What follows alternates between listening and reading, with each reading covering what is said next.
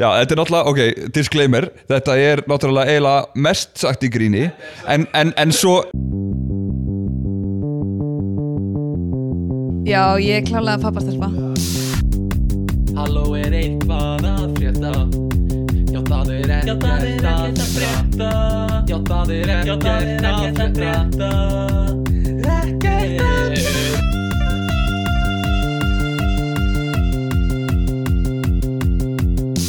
Já, buenos dias guys. Velkomin, hvað segir maður á, á portugal? Það er Bom Gia Bom dia, Bom það, dia. það er ekki alveg buenos dias uh, Ég er búin að reyna, reyna að sjá hvað sko spænskan sem ég kann ekki flýti mig mikið áfram í Portugal. Og ég náði að panta fisk sem var bara magnað. Uh, sem var frekar gott. Og byggjum auka brauð sem var líka mjög gott. Um, Velkomin í Þið verða að segja eitthvað Já, ég, ég, sko. Má ég byrja sko. þig um að panta auka brauð á spænsku? Uh, já, byrjum byrjum um það Ok, á, nei, þú veist, ég ætlaði bara að byrja þig um að segja það á spænsku Un mais pau Vá. Ú, heyrðu það, mæs er, er portugalska já, já, Já. nefnilega sko Já. og sem er, sem er bara krúsjál sko ég reyni alltaf og þetta vita þeir sem tekja mig að svona fara svolítið vel inn í menninguna þar sem ég er sko og, og svona kafa djúft og nú er ég að gera það við Portugal sko. Já, þetta er ákveðin ferða þátt þetta er ferðaþáttur. Þetta er Þetta er rosalega ferða, við erum hérna á Ritz hótelinu Já, í. Eriseira uh, í sko toppsvítunni og hérna Mér langaði líka bara til að þakka þér fyrir að splæsi þetta fyrir þennan þátt. Já, Ég, hérna, já. Ég er ég mjög þakkláttur. Hér veglegt. sko smjör af hverju strái. Og við erum með sko bara ég ætla að gefa smá kontekst fyrir hlustendur. Við erum sem sagt, ég er í vinnuferð. Ég, Stefán, uh, er í vinnuferð með vinnufélögum mínum. Uh, og, og hérna ég plataði þau. Ég veit ekki af hverju þið eru til í þetta að koma í podcast uh, og spjalla. Og við erum með frábæra gesti í dag. Uppálega var ég með þátt planaðan fyrir sko þessi tvö sem sitja hægra með mig sem er Alexander Hæ, hæ. og Guðný Halló og hérna og svo kom Bensi Jú, hæ og Nonni sem er hérna líka. Já, ég er mér á búði líka. Og þetta eru svona ég veit ekki, þetta er kannski 20% hlustendum þáttari sem eru hérna. Já, ég, sko, ég er búin að vera mikrodósa þáttinn bara síðan við byrjum Já, að já. saman. Það er hlust á 5 mínútur hér, Já, já. 7 mínútur þar það er bara mjög fínt sko. fær svona Per- smá. Perfect og eh, kemur stundum í vinnuna Já, með eitthvað svona, já, herri, ég var að hlusta á ykkur tala um leikskólamáli. Og hérna- Alveg klárt. Bara bíó í kringlunni Ég tengdi feitt við það sko. Ég var um alveg í Ég aldrei tengt jafn mikið við neitt Það áttum nákvæmlega sömu upplifun þar sko. Já, um, þannig að ég fekk uh, bara svona bombunar í vinnunni til að koma og spjalla. Uh, og við, sko ég var að hugsa að taka bara svona smá útlanda þátt, útlanda vibe af því ég er með sko ferða upptökudót hljóðgæðin verða lélegri uh, við erum að deila mækum líka þannig að þetta er svona smá disclaimer á það. Uh, annars bara ætlum við að hafa gaman. Uh, og mér langaði að spyrja, sko fyrsta lagi fyrsta sem ég ætlaði að tala um er sko uh, skoðanabræður að ég veit að við erum með hérna tvo aðdáðandur í, í salnum uh, get, nýjan aðdáðanda sko hvað segir þau? Eitt nýjan aðdáðanda Já, einn nýjan frá hinum aðdáðandum Já, ok, hver er hver er me, megin aðdáðandur? hérna? Ég, ég verði eiginlega að taka heiðurinn á, á Já. þeim titli sko. Ég er búin að hlusta á, ég hef hlusta á fyrsta þátti þegar það kom út og ég hef ekki mist af einum síðan sko. Nei, nei, nei, nei, nei. Þetta eru náttúrulega mínir menn hvað er svona, hvað er að heilla við þetta? Ok, Eh, leið leið mér að mála fyrst fyrir þig, sko eins og ég hef upplifað skoðanabræður og ég vil að þú komir hérna á kontestir það sem ég segi, sko. Uh, er, þú veist, þetta eru hérna strákar sem eru bara sk- skemmtilegir og hressir og skemmtilegir. En þeir eru rosa kaldhæðir þannig ég á alltaf svo erfitt með að sko, skilja hvort þeir sé að meina eitthvað sem þeir segja og hvort það sé einhver substance baka það sem segja ah, Og ætli það sé einhver menningamunur innan, innan. Reykjavíkur eða hvað, ég skil að að, að því að það fer ekki yfir hausinn á mér sko. Þeir eru náttúrulega báðir úr vesturbænum Já. þar sem að ég er líka uppalinn. Þannig að hérna, ég, eh, það fer ekkert yfir hausinn á mér þegar kemur að þessari kaltæni sko. Nei. En það sem ég fíla við þá er náttúrulega bara aðalega það að nafni mitt kemur stundum inn í þáttinn þannig að ég, hérna, ég hlusta bara eftir mínu nafni og, Já, ymmit, ymmit Byrju, þú gerðir uh, upp á slæði þeirra. Já, sko, ég held að Arnar Ingi um Nazareth hafi hérna hafi pródúsað það ef ég mann rétt. Já. uh, Þeir stálu þarna úr uh, einni línu úr læginu Till the Day. Til ég dey Já, Mhm. beri hverja bakinn um að sér uh, bróður eigi. Já, þetta er bara úr öðru lagi. Já, þetta er úr öðru leið Mhm. Þannig að hérna, þeir báðum leifi og, og allt það sko. Þannig að ég varð að hlusta og heyra, heyra því ég heyrði ekkert stefið fyrir en að þátturinn kom út sko. Nei Þannig að hérna, já. Og hefur verið fan bara frá number one? Já, svo var hérna, þú veist náttúrulega í byrjun þá var mjög mikið talað um íslenskt hip-hop og hip-hop bara in general sem að er náttúrulega á mínu áhuga sviði sko. Þeir voru alltaf að tala um að það vera gera svona eitthvað archive Eða eitthvað fyrir sko að þeir væri að tala um þetta fyrir söguna Eða eitthvað svona til að eiga þetta, var það ekki? Já, jú, aftur, uh, mögulega er ég að miskila það en kannski er það líka bara eitthvað svona smá kaltæðni, bara eitthvað svona, svona fyrir þá til þess að Já. hafa eitthvað ástæði til þess að vera að þessu sko. Já, já, já Nei, ég held að það sé alveg þannig sko. Já, já, mögulega, ég meina, þú veist, þetta er, þetta er, þetta er því líka heimild. Já. Þetta er bara vandamáli með heimildir uh, Það er fljóta ekkert mjög vel í, í hljóðformi. Nei, en, en hérna, en samt sko uh, Á alþingi í gamla dag Þá var nú bara Þá var bara einhver gauður sem bara sagði öll lögin. Já, Á ok. Íslandi. Já, ok. Uh, Þessi var, var rosalega uh, Hældi í því að vera fucking nördin sem bara Já, gummi, hann er góður að muna Hann man allt Og svo þarftu bara að læra öll lögin á Íslandi Já, Og fara með þeim þetta er svona eins og nonni í teiminu Já, okkar, sko. Hann er rebuttal á leiðinni. Já, já, þú veist, kalfaskinn hefur verið mjög dýrt sko, það Já, er já, já. bara miklu ódýrar að bara mun þetta Já, sko. nákvæmlega, þú þurftur að skrifa allt í stein líka. Alveg skellulegt sko. Uh, en, en við erum með líka Þú, þú hlustar á skoðanabræður. Já, mér finnst svo geggja við þetta er að þeir eru bræður Já, svo miklu allt annað kemist því sko. Mm. þú veist, þeir eru bara mér er svo oft í svona podcastin sem að allir þurfa að vera sammála skoðunum hins Já. eða þú er ekki að vera á móti já, en þeir eru bara reynd út skilur að Já, dissa hvern annan og gera einmitt. grína hvort öðrum og einmitt Ég, hérna, ég skil það alveg sko Og að þú ert með sko gott chemistry í podcastum er sennilega það mikilvægast sko áhugavert á að velja allan þennan hóp hérna í Já, kvöld já, já, ég meina, þú veist Ég, ég er bara að reyna að hafa gaman og þið eru ekki að hjálpa mér uh, uh, Nei, en hérna Alexander er náttúrulega að hlusta á þetta bara því að hann elskar að heyri sjálfum Í sér sjálfu sér, já, já, já í byrjun hvers þáttar Einmitt, og ég skil það bara mjög vel sko Já, mér finnst líka ógæslega að fyndi, þú veist, ef að ég væri núna að initiata einhvers konar gleði á milli okkar sem, sem Mhm. vinnuhóps, þá myndi ég örgulega, ég stingi upp á heg og að fara í körfu eða, þú veist, eða, alls konar drast, sko. Mhm. En, en þitt, þinn hlutur er að hlaða bara í eitt varp. já þetta en þetta er bara samtal skilur, þetta er bara eitthvað, þetta er bara vibe skilur. Já, algjörlega. En og á, á, á, samt svolítið elevated samtal. þetta er það sko og hérna, uh, maður talar ekki alveg eins og maður talar venjulega á, í mikrofón sko. Maður þarf aðeins að venjast í uh, eins og nonni, ég bara kann ekki að tala í skilur, mikrofón sko. hann talar ekki venjulega alveg svona sko Nei, nei. og ég tala svolítið svona Já, þetta er miklu nær hvernig að tala venjulega sko. uh, Og ég, þú veist, er líka með rosa mikið af svona híkorðum og eitthvað svona í mikrofónin Þannig Já. ég er að reyna að fylla upp í þagnir Já, um mitt. uh, En, þú veist, mér finnst það bara gaman, skilur Og bara hvað með það En ég ætlaði sko Ég ætlaði að kynna gestina mína Og þetta eru svakalegi gestir Og það sem ég hafði gert var að ég googlaði ykkur Eru þið mikið að googla sjálf ykkur? Og þá horfa allir á mig. Já, alveg svo þetta er Ég, ég hef googlað mig svona e- e- eitt, tvö skipti á ári örgulega, já. Já. Og er eitthvað Finnur þú eitthvað um því Þú veist, það er Wikipedia grein en, en hún, er svo, hún er svo tóm, mér langar alltaf svo að bæta á hana því það er ímislegt sem ég geti bætt á hana en, en, en ég get ekki verið gaurið sem að skrifa svona eigin heldur sko. Nei, fyndi að því ég er með þessa grein opna sko Já, ég pældi að uppfæra hana því ég hafði ekkert að gera í vinnunni Já. að við vorum að lesa hana saman sko. Já, já. þannig að við vorum að pæla að uppfæra hana Já, voruð að, le voruð að lesa hana saman. Það er rosalegt sko uh, Ég, hérna, ég var einu sem með Wikipedia grein sem einhver vinnur mig bjóð til og svo var, eru gaurar sem eru sko að skáira Wikipedia. Bara eru bara á Wikipedia og rítskoða það. Já, bara Og- strax. og nonni er pottið svona gaur sko. en eh, hún var tekið niður eftir svona þrjú ár. Það sem einhver gaur var bara er þetta nógu merkilegt til að eiga að vera hérna sko. uh, og þá bara verið að tala um einhver leikrit sem ég var í mentaskóla og eitthvað En hvernig virkar það að láta taka hana niður? Það er einhver að samþykja það eða get ég bara að byrja að nei, í rauninni mega þessi supermoderatorar bara gera það, Ok, held ég og svo getur þú mótmælt í en þeir ráða því á endanum sko. og það er gaur sem heitir Berserkur sem er að bara snerta allar íslenska greinar og alls hann tók mína niður hann editaði þína grein. Nei, við erum sko Wikipedia máar hérna. Ok. Uh, Við vorum að skoða alla þá sem að voru búin að bæta við Wikipedia greina hans sko og komast að því hver þetta væri sko. Já, þetta er Berserkur sko, hann er legend in the game sko.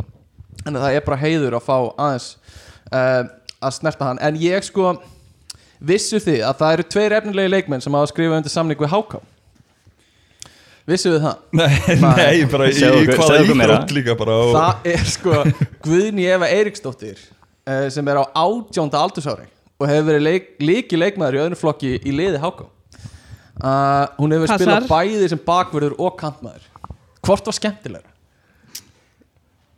það fyrir eftir í hvernig sko, ég væri við erum komin hanga hérna, ég myndi kjósa alltaf að vera væng bakverður Væng bakverður væng bakverður bakverður, ymmit, ymmit Mhm. Hvað gera þeir? það er svona basically blanda af kantmanni og bakverði. Þannig Já, já. þú fer, ert allir völlurinn basically. Bara, Já, já, fara að hlaupa mikið. Bara láta mig hlaupa og ég hári í góð sko. Já, já, já. Ok, en þú hérna ert uh, með frétt á, á hérna uh, heimasíðu HK Já, sem er svona kannski það stærsta sem ég fann á Google um þig sko. ok, það er frábært. Aha, og, og hérna myndaðir og allt sko já, já, þegar þú ert 17 ára. Mm, bara áfram HK stendur í Já. næstu grein til mikið með þetta sko. Takk, takk. Uh, þetta var eitthvað sem ég fann á Google. Uh, annað sem ég fann á Google er sko Alexander Jarl began his singing studies at a young age at tónlistaskóli Vestmanneja in the fall, fall of 2002 Já, Ok, má ég stoppa þig hérna? Já. Það ætlar að halda áfram með Nei. þetta Já, ok Þú, þú veist hvert þetta er að leiða þá? Já, sko, ég á mér nafna en ekki bara nafna, heldur uh, er hann sko, hann fylgir basically öllu sem að ég geri, en er bókstaflega tveimur árum á eftir, sko, Já. hann er tveimur árum yngri en ég og, og þegar ég var í körfu þá var hann í körfu Já. og svo fór ég eitthvað að dútla við tónlist og, og hann mætir og hann gerist óperusöngari, sko Já.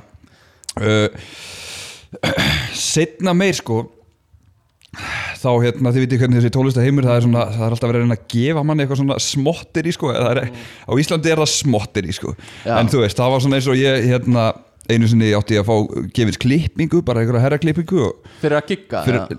nei, menn alltaf bara posta því í story skilur og þá reposta maður og þá fá þeir eitthvað publicity, eitthvað Já, svona dæmi já, skilur nema mér skilst að hann hafi mætt og fengið klippinguna Nei, sko, þeir ætla að ringi mig.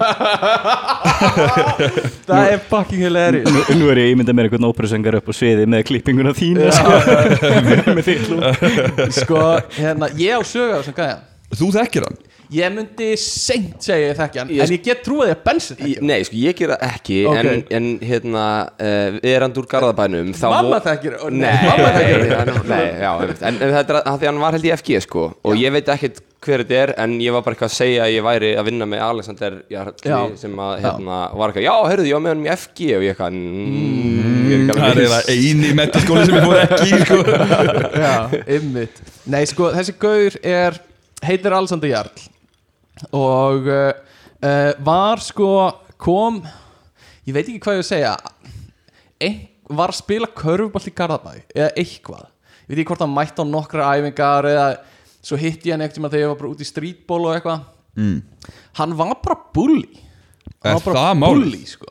hann var leiðilegu við mig og hann var bara hérna, hann var bara með bara svona bad attitude og bara vonda orku sko. shit maður á þessum árum, þetta Já. hefur verið þegar ég var í tíundabekk eða nei, áttundabekk og hann hefur verið, ég veit ekki tíundabekk eða já, eitthvað já, já, já.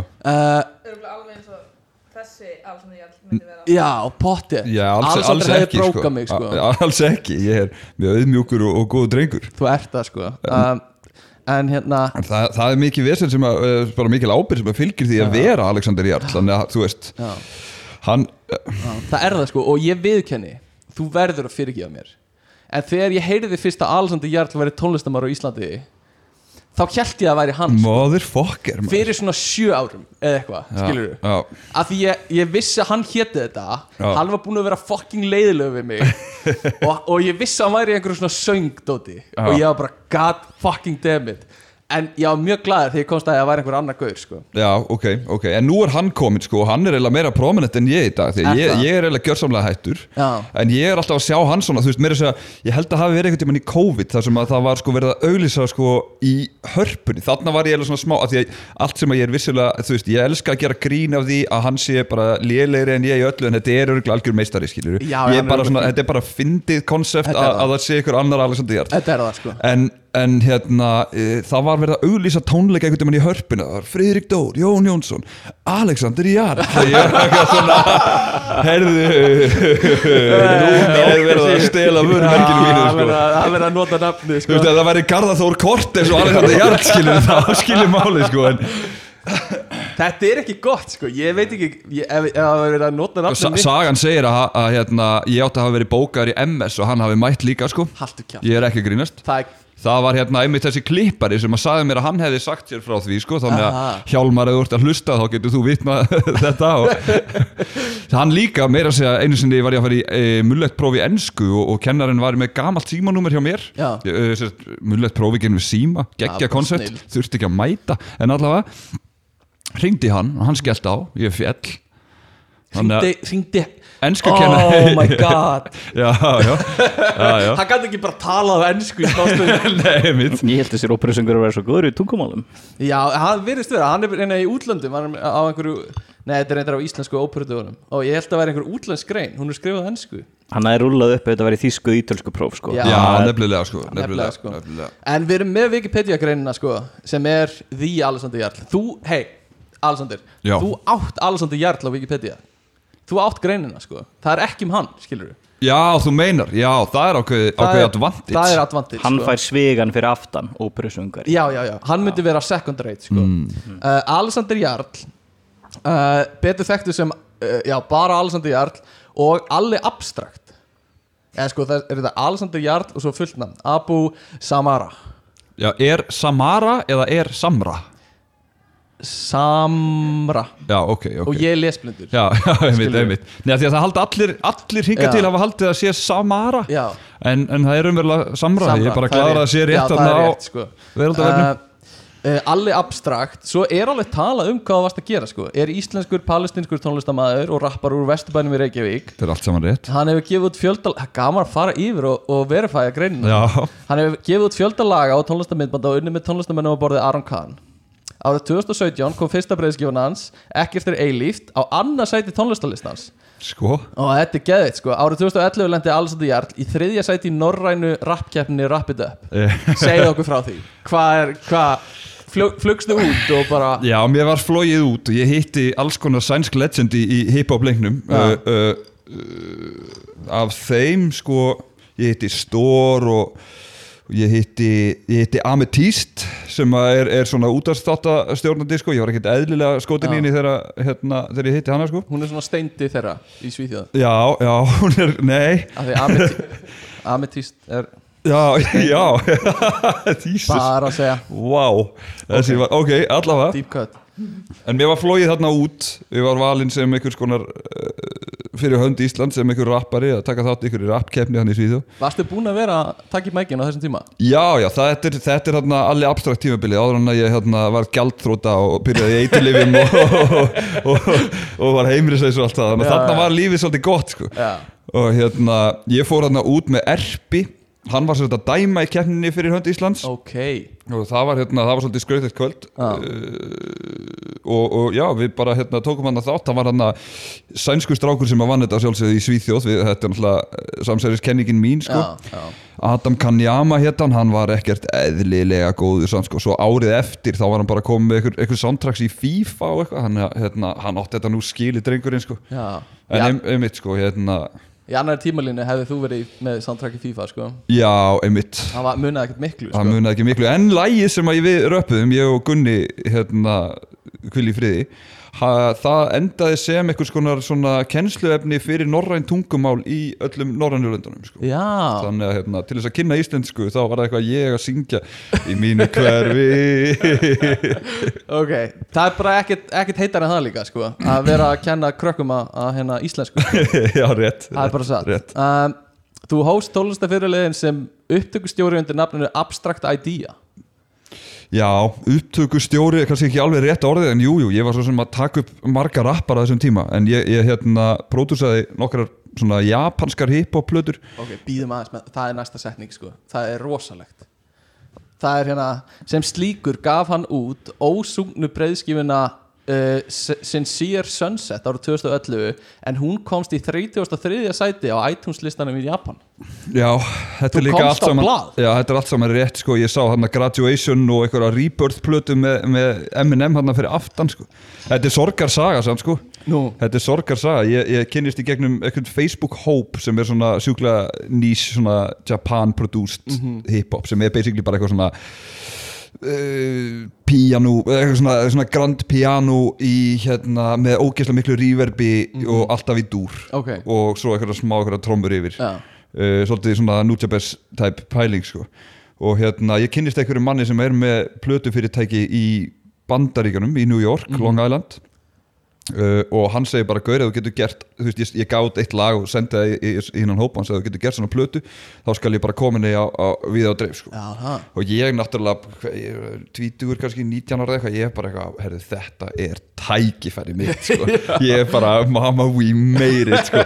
þannig að yfir eina helgi þá gerði ég alla helvitis plötuna Já, ok uh, og hérna sendi honum þetta og hann bara veistla prentaði, prentaði fullt af eintökum ég man ekki hversu mörg, Mhm. gerði í bóli uh, þetta seldist allt upp streymið bara á fullu Já. maðurinn lokar, hann eyðir Nei. öllu er tengist þessu blötu fyrirtæki og Facebook aðganginu sínum og Andskotinn. allt saman þannig að ég sá einn 80 skall áður en að hann hérna náði þessu sko Það er rosalegt sko. Já, og þessi maður sko, hann heitir, hann kallaði sig sko, hann er komin aftur á netið sko, já. þetta, hann bara faldi sig í eitt ára eitthvað. Huss, Huss Kingpin, Já, er hann kallaði sko. ok Þannig að hann, átt, hann skuldaði pening ekki þar út í heimi, að Já, já, já, og, og margir hafa, hafa reynd að fara í þetta mál með mér en, en allir gefast upp sko, Já, það fyrnist eitthvað og, og eitthvað svona vesen sko. það er, ó, það er ríkar En, en þannig að I was big in Japan, Já, ég er, varst það, I sko. am the one sem Já. að er verið að tala um sko.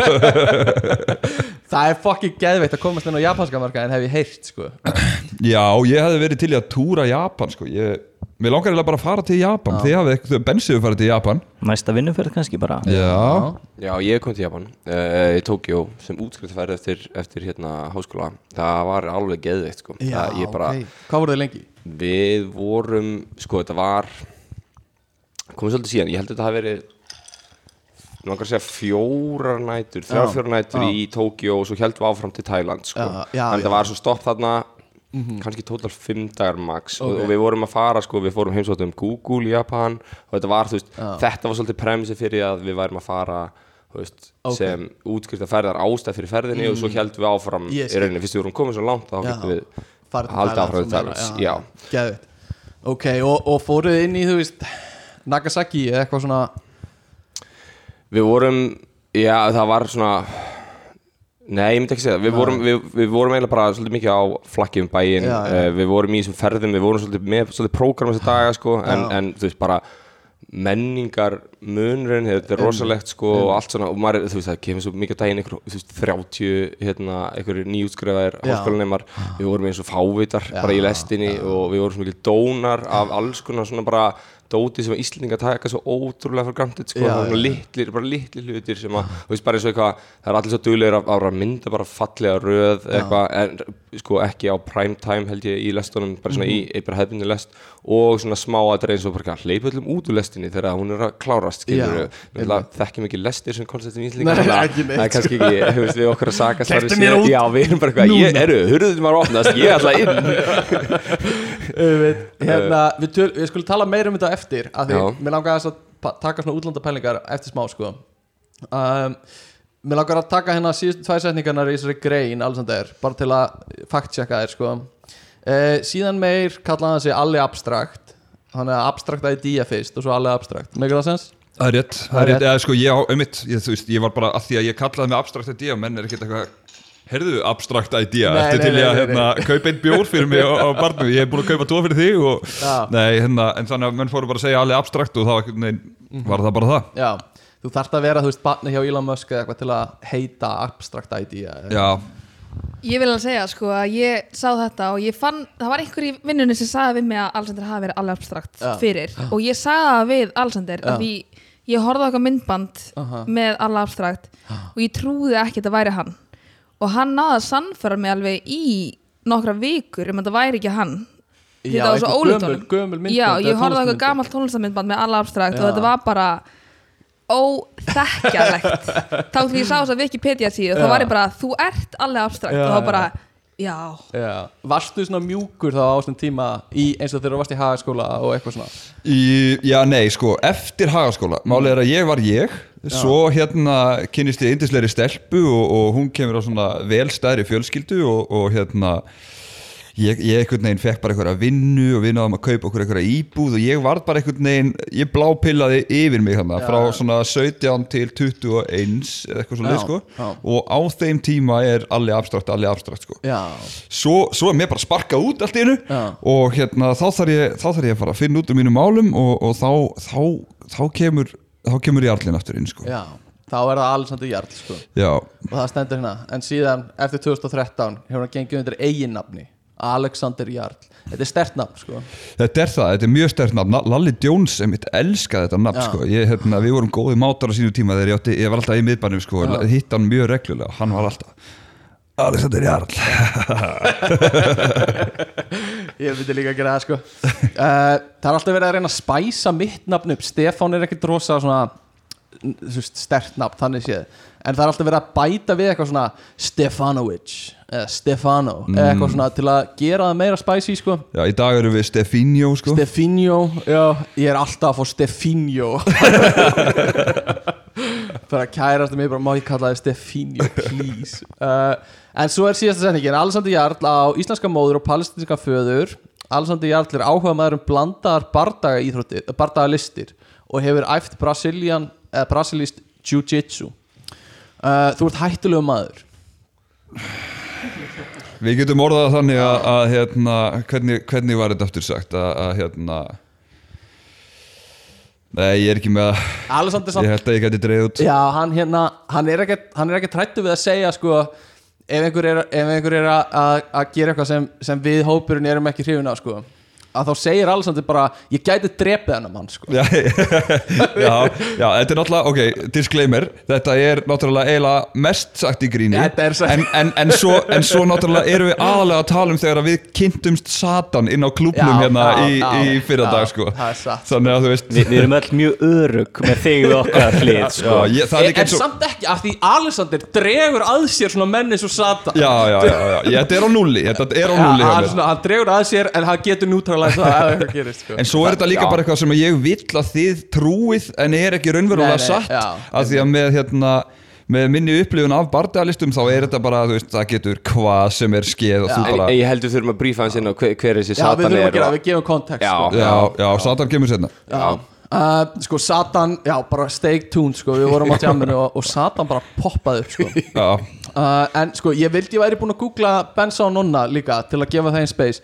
Ég var bara búin að undirbúa þáttinn fyrir sko Guðnju og, og Alexander Já sko, í hug þú, sko. þú er ekki fundið neitt um Nei, mig. ok. Ég er með svo generic nafn sko. Það er, veist, það er eitt að heita Alexander Jarl og, og Já. Stefán Gunnlaugur og, og Guðni Eva og eitthvað svona, það er kannski veist, og ég, ég held að ég sé kannski mögulega eini sem er bara það eru þúsund aðrir og, þú ert hérna, og ég- Benedikt hvað? Jónsson. Jóns, já, já, já, Benedikt Jónsson, ok. tvö mjög common up það hjálpar ekki að ég Já. er til til ómerkileg maður þannig sé ég er ekki mikið fram á að færa Æ, hættu, þú ert í podcastinu en mínu, ég held að kannski hefði mögulega farið og dusta ríkið af einhverjum, einhverjum bókum í Garðabænum sko, og, hérna, Já, og hefði eitthvað skýt þannig sko, Ég hefði en, en það, það. bara verður að En að sig. þannig, að- þannig að ef maður googlar núna Benedikt Jónsson eða, hvernig getur maður fundið bara beint þig af því að þú veist, það sem að gerist núna er að okkur að þetta podcast verður það eina sem að er hægt að finna um þig þá á netinu Já, það, það að vera þannig. Ok, ég ætla að reyna sko Ég að held að- ég held að þú finnir bara frænda minn sko, sem vinnur hjá Siðmenn Já, Benedikt Jónsson, fyrsta vika pitagrein um Benedikt Jónsson er The current Consul General of Iceland and Faroese Island. Ég vissi ekki að þú væri að vinna með þetta sko. Ræ, Ræðismæður okkar í færium Já, þetta er rosalegt sko. Uh, En svo, þannig að þú bara afsakar þetta með að ég var ekki búinn að grafa djúpt um þig. Bara allt í góðu. En svo erum við með Jón Jónsson hérna líka sko sem er annað mjög common nafn. Not the famous Icelandic singer. Nei, nei, nei, nei, ekki, ekki sá Jón Jónsson. En, en Jón Freysteinn Jónsson. Uh, Ég googlaði þið heldur ekki. Jón, myndum við finna eitthvað um þig? e, Nei, öruglega ekki sko. Þetta, þetta er ákveðin brekka þú byrjir á að tala við Jarlinn sko. Já. og svo við hinn þurfum að followa já, það sko. já, það er það. Og Alexander sko það getur verið rúsinni pilsendanum Nú sko. erum við öll helviti vel að okkur í vefmálum þannig að ættum við ekki að geta að leita vel að besta ykkur upp Jú, á toppin Við ættum að geta það sko. Það er það sem ég myndi vilja gera við Bensa Er að keyworda Bensa inn í allar leitir sko Og skrifa einhverju Wikipedia grein um hann Og, og koma hann á kortið. Já, þú veist, við, við gætum alveg gert það en, þú veist, það er alveg hægt. Ég gæti alveg verið að vinna með að vera með mína eigin síðu og vera eitthvað að promóta sjálf mig en Já. það væri, það væri, já, áhugavert. Einmitt, einmitt. Uh, er nú líka mörg kommentin sem þú fengið með podcasti sko. það er að þú ert alltaf að fá ykkur hérna, góður aðvarandi bestun á Já hvernig, hvernig fólk best- er að finna Já, þetta fólk kast elskar sko. að segja manni hvernig maður á að gera hlutina sem maður gerir sko. Það er bara Já. þannig Það er er staðreind sko Og hérna bara Akkur gerir þetta ekki svona Og akkur hérna ertu ekki með timekóða í þættinu þínum Já, okkur ekki nöfnin og öllu í akkur description nöfnin, og já. og ég bara, þú veist, gaur, ég er einn að þessu Ég hef bara x mikið að klukkutími með viku sem ég get lagt í þetta uh, Ef ég væri fullri vinnu myndi ég kannski gera það uh, En hérna, sko Ef það er eitthvað sem ég veit um uh, Alexander Þá er það að hann er með mikið að sögum Og hérna Það var svona ein ein ástæða fyrir að mér langaði að tala um Alexander og við gerum það kannski bet, undir betri kringustæðan seinna tökum við Alexander aftur í, í podcasti og fáum meira að sögum sko. Uh, og, og fínt að hafa Guðni hérna líka af því Guðni hún hefur hlustað á okkur alla í vinnunni tala og hún er sko, hún veit of mikið. Hún veit eða of mikið. Mikið, mikið sko. sem er alveg, þess vegna er gott að sko Guðni getur alltaf komið inn með eitthvað. Þið er náttúrulega bara fólki sem að hafi fallið fyrir þessu öllu. Þetta er sko, ég byrjaði að hlusta á podcastið þig Já. Til þess að ég er svona, ok, þetta er alveg geggjaði gaur ég ætla að hafa einhvað til að tala við hann í vinnunni. Já, já, já. Þannig ég hlusta á eitt podcast og mæti maður í vinnuna og bara, heyrðu, ég heyrði að þú varst að tala um þetta í já. þá varstu gripin Já, það er satt sko. En málið er sko Ég, ég, ég man ekkert hvað ég segi í podcastinu sko. Prófar einhvern tímann umræðefni á okkur í vinnunni fyrst áður en þú tekur sko, þau? Þetta er geðug spurning að því ég gera það sko Eða ég er svona núansa söguna mínar á fólki sem ég þekki. Og svo þegar ég er búin að segja kannski tvís að þrísvar Þá fer ég með þær í podcasti og get sagt En við horfum nú á því skrifa eitthvað nótsana hjá þar við mataborðið í matsalnum hann um daginn. Já, já, já. Ég, Það sem ég gerir, ég sendi sjálfur með message á Facebook. Og, það, er geggjun og tekið sko. Og að Stefán er að senda Já, alveg, En það verður skrítið að vera að tala um þú veist, okkur að í podcastinu, í vinnunni í næstu viku Já, þegar við gaman, actually erum Það verður mjög gaman það verður með það sko. Já, mjög meta sko. Uh, En hérna, sko Til að gefa aðeins meira kontekst á hvað við erum að gera inn í Portugal uh, Og þið hoppið bara inn í Ef þið hafið eitthvað að segja. Uh, Við erum sannast í vinnuferð í Portugal Og einu í viku í fyrirtækin okkar Gangverk, þá, einu í viku Einu sinni á ári Þá hérna fara teimin Bara með að fara eitthvað að vinna. Ekki satt Og Jú. bara vinna í útlöndum. Uh, og við völdum Portugal og við völdum að fara í einhvern lítinn smábæ í Portugal í staðan fyrir að fara til sko Lissabon uh, sem hefði alveg verið líka æventýri sko.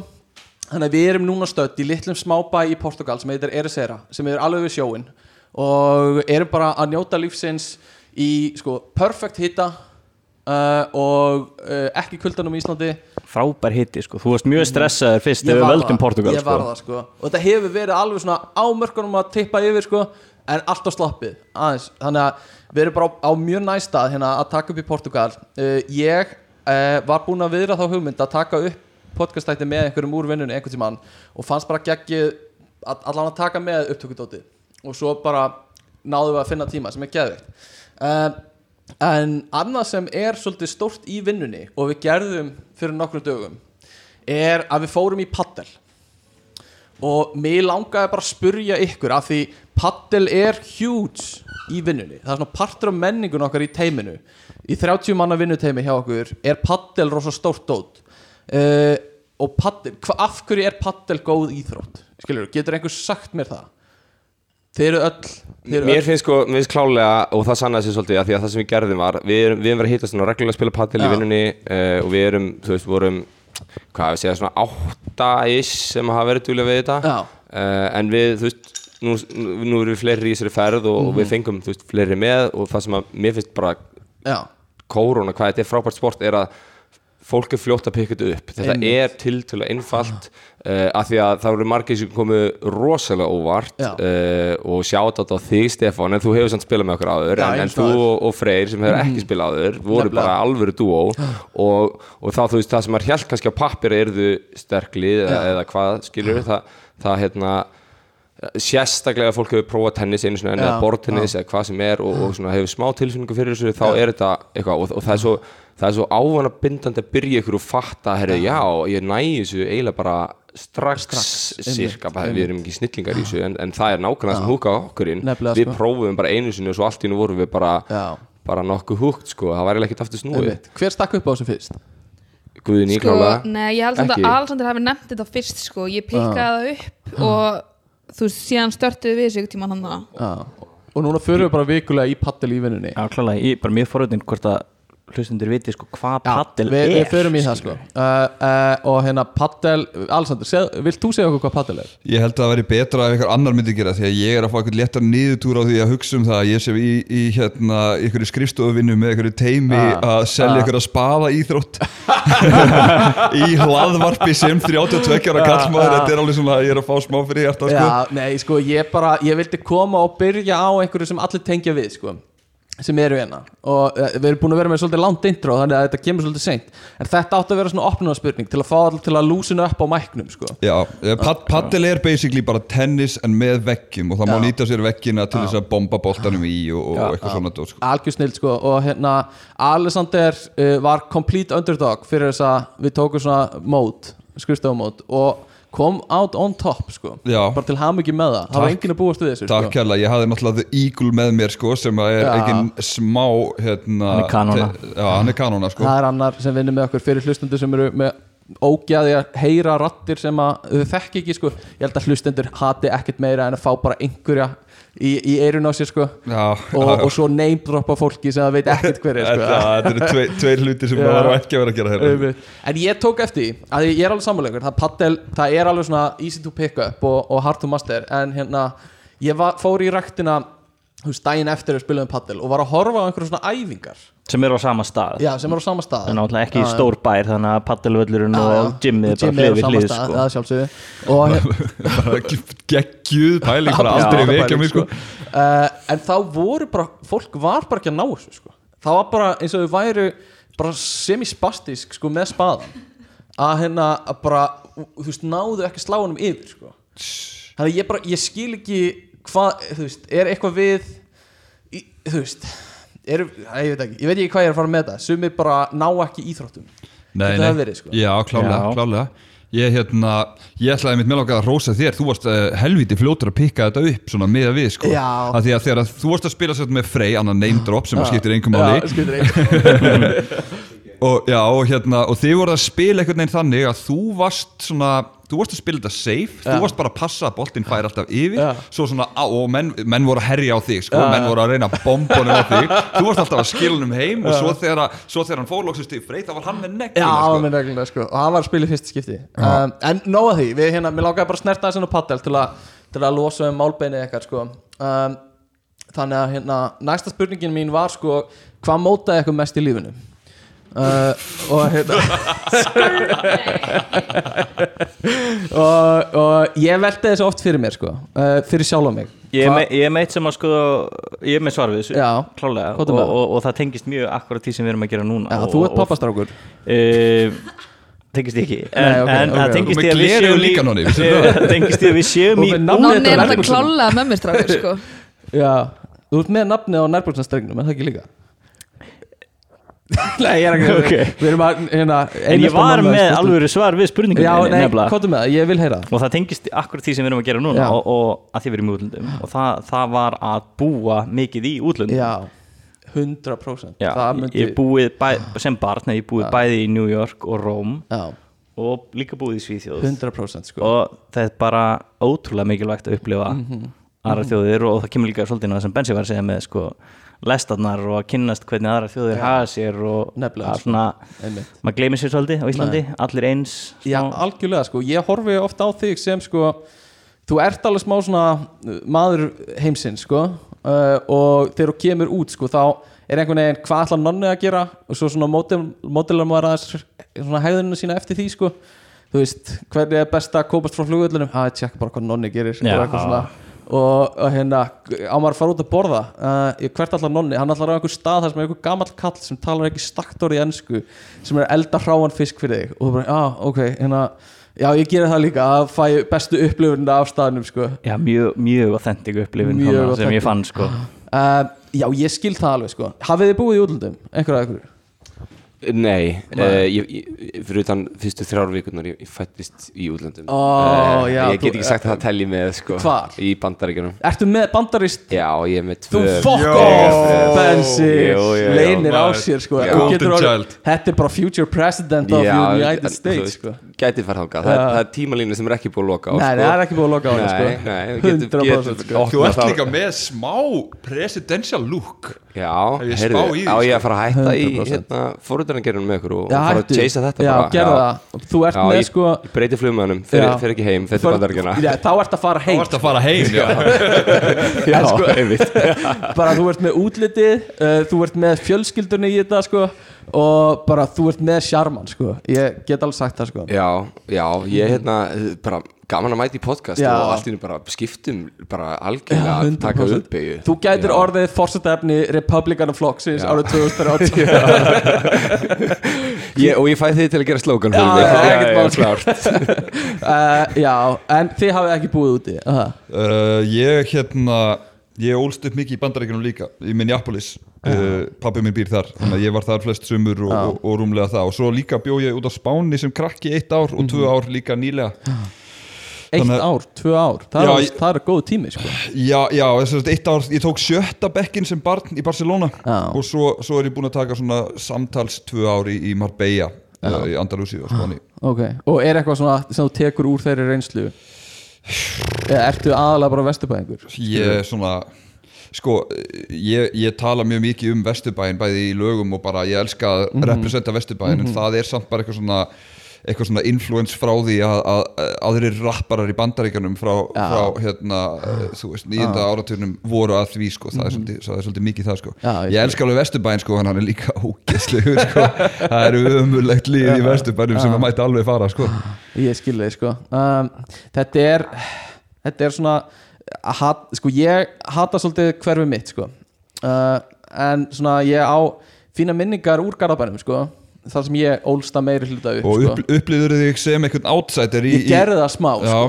uh, Og líka sko sérstaklega af Því ég hef ekkert verið í Garðabænum Síðan ég útskrifast á tíundabæk sko uh, Já, er þá- það svoleiðis? Já, Já, já. veist, þá fór ég bara í mentaskóla í hérna Reykjavík Og fluttir í Nei, leiðinni ég, þú veist, ég flutti ekki En ég gerði ekkert í Ekkert í Garðabænum garð, bara, bara gistir þar Já. bara, basically basically og, og stundaði liftingar og, og já, þannig að það er það sem ég gerði í Garabænum en annars hef ég ekkert verið Garabæningur síðan, þú veist, bara í tíundabekk eða eitthvað.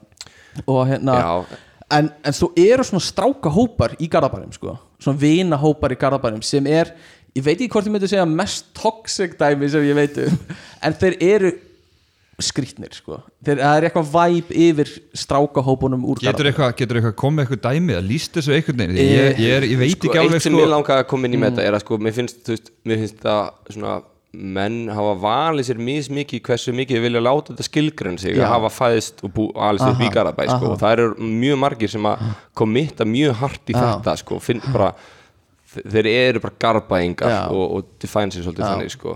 sko, ég, ég veit ekki hvernig ég á að lýsa þessu sko, toxic er klálega ekki rétt árið af því þetta eru bara strákar að hafa gaman en að minni reynslu og í mínu vinnahóp voru þetta strákarnir sem ég sá leggja aðra í einelti skilur þú mm. Þetta er svona þá sá hópur á strákum Uh, úr mínum árgangi með fullri veiningu fyrir þeim. Já, vini í þessum hópu og þeir eru bara fínir. En svona mikið af þessum fólki var þeir sem voru að leggja krakki einelti í grunnskóla. Og svo elsta af fólki en það samt hefur gríðarlega áhrif á þá sem er verið að leggja einelti. Uh, og ég þekki eitt dæmi um það það sem bara var eðlat líf hjá mannesku sko. uh, þannig að þetta er svona þær típur sem hópa sér saman og mynda einhver svona 30 manna hóp Já, er það ekki líka bara svona svolítið klassíst dæmi smá Það þú gæti alveg verið. smá eitthvað til að unifæja þú veist, það eru bara Já. Menn litlir í sér eða Já, og, og hérna, hefða sér eins og fíbl en eiga þetta samilegt og, og láta það þá hægt og rólega skilgjörnum sem meira sko. En við að láta þess að tölu standa 30 manna hópur Já, Vá, ok, það, ég tengi ekki til þetta í Vesturbæn Nei. Það er kannski svona, þetta, við erum að tala kannski svona 8 manna hópur Já, sko. þetta er rosalegir hópar sko og Vá. þetta er náttúrulega minni einingar sem svona myndahópin Mhm. en ég held að þegar allir koma og allir mæta á ásvartíðina Já. Þá er þetta hjút sko Shit, sko, það er problematik bara Já. kallmenn í, í tugatölum er Já, alltaf problematik það hvað, sko. hvað þá að henda í unga garba eitthvað líka sko. Nefnilega sko, ég held að uh, þegar þeir verða eldri líka sko, þá verða þetta pyrrandi gauranir í veiðihúsunum sko Já, og við höfum heyrt sögur af problematic fólki í veiðihúsum uh, uh, sko, ég, ég ætla ekki að hérna neyða neitt til að segja sögur sem maður má ekki segja sko, en, en já, nonni höfum verið í matabóði þar sem þetta hefur verið rætt sko, svona erfiðar sögur í, í hérna veiðihúsum mm. og það er það, nóg til að þeim sko. það er til að þeim sko. það eru held ég þessi vinahópar sem alast upp sko, og fara í veiðihúsin uh, en hvað veit ég, fólk má líka alveg hafa gaman eða er ekki að skada aðra sko. það, þetta snýst allt um það uh, en, en hérna þetta er svona tengist því sem við vorum að ræða er sko uppeldi erðir og innri hérna, og ytri aðstæður hvað það skiptir mestu máli í þessu? Stórt er spurt. Ég hef pælt alveg í þessu sko. Mm. um, Nature versus nurture. Nei, samt þetta er líka sko ég nefnilega var að kynnast nýjum hlut í, í þessu, þessum uh, rökræði, eða svona uh, samræðum. Er sko, það er upp, þú ert með uppeldið sem er bara fóreldraðinir og, og amma og afi og allt svona. Uh, svo ertu með erðirnar og svo ertu með sko ytri aðstæðuna sem er hvar þú ert. Og það er, þú veist, varstu í hvaða grunnskóla í hvaða varstu í hvaða hverfi og, og fleira í þeim dúr sko, sem er ekki alveg sama uppeldi þó það sé alveg náskilt sko. Mér, ég, mér, mér finnst uh, uppeldi að einhverju leiti Aha. sko heim, aðstæður heima fyrir eiga svolítið til að translita út af við.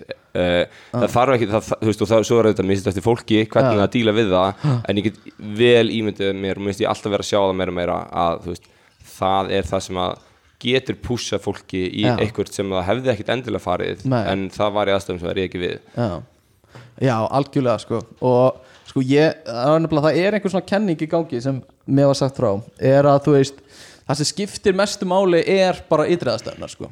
Þannig að þú gætir átt bara mjög lélegt bara lent í tráma á einhverju heima fyrir eða kannski ekki alveg tráma en það er bara svona uppeldi skiptir engum máli.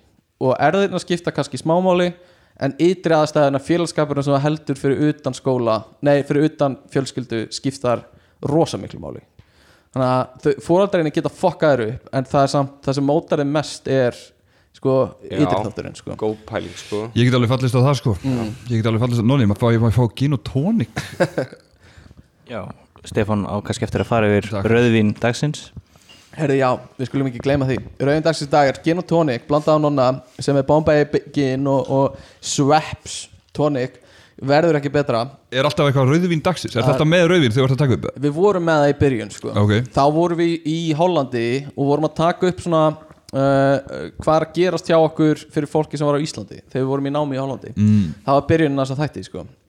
og þá vorum við alltaf með rauðvín uh, og núna er það bara það sem við erum að drekka meðan við tökum upp þannig að rauðin dagsins dag, gin og tónik. Uh, Já, og styrtar alveg þáttur þessi dag. Guðni, hver er styrtar alveg þáttur þessi dag? Nei. Bara, kóttum við bara eitthvað. Ok, Satan Satan. Satan, Guðrin Hann sponsaði alltaf að drikkina á Úrísa Club á hér í Seira Viltu fá drikk með einhverjum hérna, rúfonóli? Satan. Það er styrtar alveg þáttur í steg uh, En hérna, nei ok. Þannig að uh, Já, ytri aðstæð Hvað er eitthvað, hvað mótaði þig Bensi Heldur þú, mest í lífinu Mjög góð spurning. Ég Sko, ég, maður fellir svolítið á veist það sem er að gera akkurat núna og ég er að hugsa um sko, hvernig bara væpið búið að vera hjá okkur í þessum Já. ferð og margt við hvernig það er og ég, ég held að sé utanlandsferðir með vini mínum gerði mjög mikið bara móta mig að mörguleiti sko. um, það er samt, það er kannski coverar ekki allt en Nei. það er samt alveg Það er alveg prósent af þínum persónuleika. við stundum þú veist, að fara á tónleikaháttir við vorum líka bara duglegir að ferðast yfir höfuð Já. saman sem vinahópur sko. um, það hefur klálega haft áhrif sko, um, og upp á bara svona uh, stemmingu og þann, þann hluta Mhm. að sleika sóluna og, og jú líka bara að fara aðeins út og gera eitthvað og plana eitthvað sjálfur frekar ungur skilur og, og hérna og bara Svona sjálfstæði að- að að reyna að sko, taka já, sjálfstæði. Já, klálega Já. um, Svo þú veist, prí það er, er kannski mikið bara þú veist, smá bara aðst, bara það sem vorum að ræða, aðstæður alltaf vera bara úr garðabænum og það skilur ég, það er einhvern sem var það, maður gæti ekki breytt Já. því skilur það Nei, er nei. bara svona var hluti að, að Einmitt. taka þátt í þessu sko. Já, Bensi er semst úr Garðabænum líka eins og Já, ég. já. um, og Nonni er úr Ítalíu, hann er ítalskur. Og hérna, Já, hann er útlensku hann er útlenskur. Uh, hann er ekki íslenskur. Uh, bjó ekki í Íslandi. Uh, Guðni er úr HK, veit ég. Það er eina sem ég veit. Uh, Nei, fó- eitthvað tengt fósfæðinu líka. Hérna Nei, ég er ekki neitt tengt fósfæðinu. Jú, ammaðinu afi er hann Nei, ekki já, já, þú veist Já, ég er bara Hvað fórstu eiginlega langt í þessu googli? Góbóðurinn Ég hérna skuttlaði Guðni heim ekkert Já, ég er með svona bístundum þar býr í fósfæði hjá ömmu svona afi í fósfæðinum Mm. Uh, Þegar þau eru ekki heima. Já, þegar þau eru ekki heima þá, þá kemur Guðrún í eins og svona kóngul og svona læðist inn í íbúðina sko. Já, já um, En uh, hvað mótaði þig Guðni? Þú ert nú ennþá Maður er svo ungur, sko, maður er ekkert mótaður 2001 mótel, er það Já, ekki? Og bara, hérna, ertu, ok, svaraði mér þá þessu Ertu mömmustelpa eða pappastelpa? þú náttúrulega getur svarað Ég þessu sjálfur Við erum búin að ræða sko. þetta, Ég sko veit svarið, sko Já, ég er klálega pappastelpa Já, já, já Það, og hérna eh, er, er, Hafði pappiðin mikil áhrif á þig? Já, klálega Hvernig týpa er pappiðin? Bara geggju típa, Mm. besta típan Hann hefur nú komið með okkur vinnunni í nokkra ferðir Aha, já, alveg, Já. hann er vinur eigandans Hann var eitthvað gæða til að vera einna Já. Einmitt núna, sko Pottet, sko Er hérna Er hann Hvernig, já, þú veist, er hann svona uh, Ég veit ekki hvað ég á að spyrja Hver, Hvernig típi? Hann er bara extreme extrovert Bara elskar að tala við ókunnugt fólk Mhm. Ok. Og vera með bara Ok fólki og íþróttir og partí Hann er íþrótta var, Fannst þér hann vera með pressa á þig í íþróttum? eða? Nú er svo hættum að hann hlusta á þetta sko Því að hann er brjálar ef ég segi já En þú veist, já Ég meina, það er bara Klálega. Það er bara þannig, skilur það eru Ég, það, En veist, ég ætla bara að segja þessi jákvæð pressa Já, En þú veist, ég myndi það. aldrei taka þetta tilbaka En nei. hérna mann fann alveg fyrir því og það er náttúrulega líka þú veist, þegar pappin er atvinnumæður í ykkur íþrótt þegar þú ert Mm. sjálfur í íþróttum þá náttúrulega farðu einmitt auka pressu frá öðru fólki sem að gera ráð fyrir því að þú sért 100% sko. alveg eins típa Hvernig, var hann fótboltamaður? nei, hann var körfuboltamæður Hann var körfuboltamaður já, Ok, ætti ég að þekkja pappinar eða? Uh, Ég þekkt hann sko en það var aðalega út frá því út frá svona fjölskyldutengslum eða sem sagt Já. vinatengslum frekar ok, en ég þekk ég, semst, ég byrðist afsökunar, ég þekki ekki Eirík pappaðin um, og hérna uh, bara allt í lagi já, sorry, við, fyrir hlustundi þá þarf að rétta stundum mæka Já, já. þannig að það er smá pása stundum uh, en hérna, nei ok þannig að, já, sko ég ég veit ekki. Ég, mynd, ég, ég ætla ekki að fara að sálgreina þig sko. En, en þú gefur alveg frá þér pappasterpu orku sko. Já. ég ætla bara að segja það sko. Sé og finnst fólki að jákvæða neikvætt? Það er bara hvorkin ég, það er bara Ok. staðreind skilur já, uh, er er ekki sammála því, þið hinir hérna? Jú, 100% Jú, get klálega tekinn það. já. um, og, einmitt, það er ekki það er hvorki jákvæmt Já, hvorki jákvæmt nei, nei, nei, sko, já. en hvað er það sem að gefa það? Ég veit það ekki, það er bara einhvern veginn uh, Það er eins og bara eitthvað svona Já, ég veit ekki, bara einhvern veginn attitútið sko. Þú ert svona töffara attitútið þér sko. Þú veist, þú ert til í að vera að taka podcast með Já, fjórum íbúð sem dæmi. Já, til dæmis. Það er ágæti punktur Ég hef mitt sko. hugsað á ströndin í dag, ég var bara hér einina með eitthvað svona 13 gaurum Já. og ég var bara, hvað er líf mitt? Já, Já, þú vinnur nú í teknikerunum, hann hallar svolítið í okkar átt sko. Því miður, það er, það er alveg satt sko uh, Ok, uh, ég sko Ég veit ekki hvað ég á að spyrja þig sko að Því þú varst að klára bjösiðin Til að ekki með það? Takk, Í, í hérna HR heldur betur. Uh, Í hverju? Rekstra verkfræði. Mhm. sem hefur verið köllu skvísuverkræðin sko. um, og En það er ég skvísa. Enda ertu skvísa, það er bara það er 100% sko. og, og hvað þú veist myndir þú fara til útlanda í master Talandi að búa í Já, ég mun, ef ég fyrir master þá fær ég potið út sko. myndir þú fara í master? Uh, eins og er þá myndi ég frekar fara í BSc í tölunafræði já, einmitt, megasens allir töffarinn eru með BSc í tölunafræði eða Ég fór þessa leið sko, Já. var í verkfræði og bætti við með tölunafræði Já. Það er, classic. This is the way sko. This is the way, já. Ég er með svo miklu nördum hérna sko. Ég veit ekki, ég veit ekki hvert Ég held að það komið fram að það væri nú bara svo mikið að jocks í þessu fyrirtæki. Jú, það er alveg smá en þú veist Ég er alveg nördi líka sko En það er erfitt að vera með mikla nörd orku hérna sko. Uh, Við erum konir á þér Alexander. Hvað mótaðu þig? Hvað mótaði mig? Þetta er alltaf rosaleg spurning sko. Uh, Það fyrsta sem kom upp í hugan var fátækt. Af Því að ég get rétt ímyndað mér að- að ykkur finnst ég vera pínu kvatvís einstaklingur. Uh, Og ég tengi það við bara að eiga lítið af pening Já. Lítið, já, í raun og veru Þannig að þú veist, þegar eitthvað kemur inn hérna uh, á, á mánaðamótum að þá hérna þú veist hvort sem að var að mamma var að fá það eða þegar mínir fyrstu launatekkar eða eitthvað þá var, þá var svolítið kaos sko. Já. þá var bara ok, allt í hennu við erum búin að vera hérna svolítið að berjast á bakkanum síðustu svona 12-15 daga núna allt í hennu getum við loksins lifað í einhverjum smá velistingum sko. Já.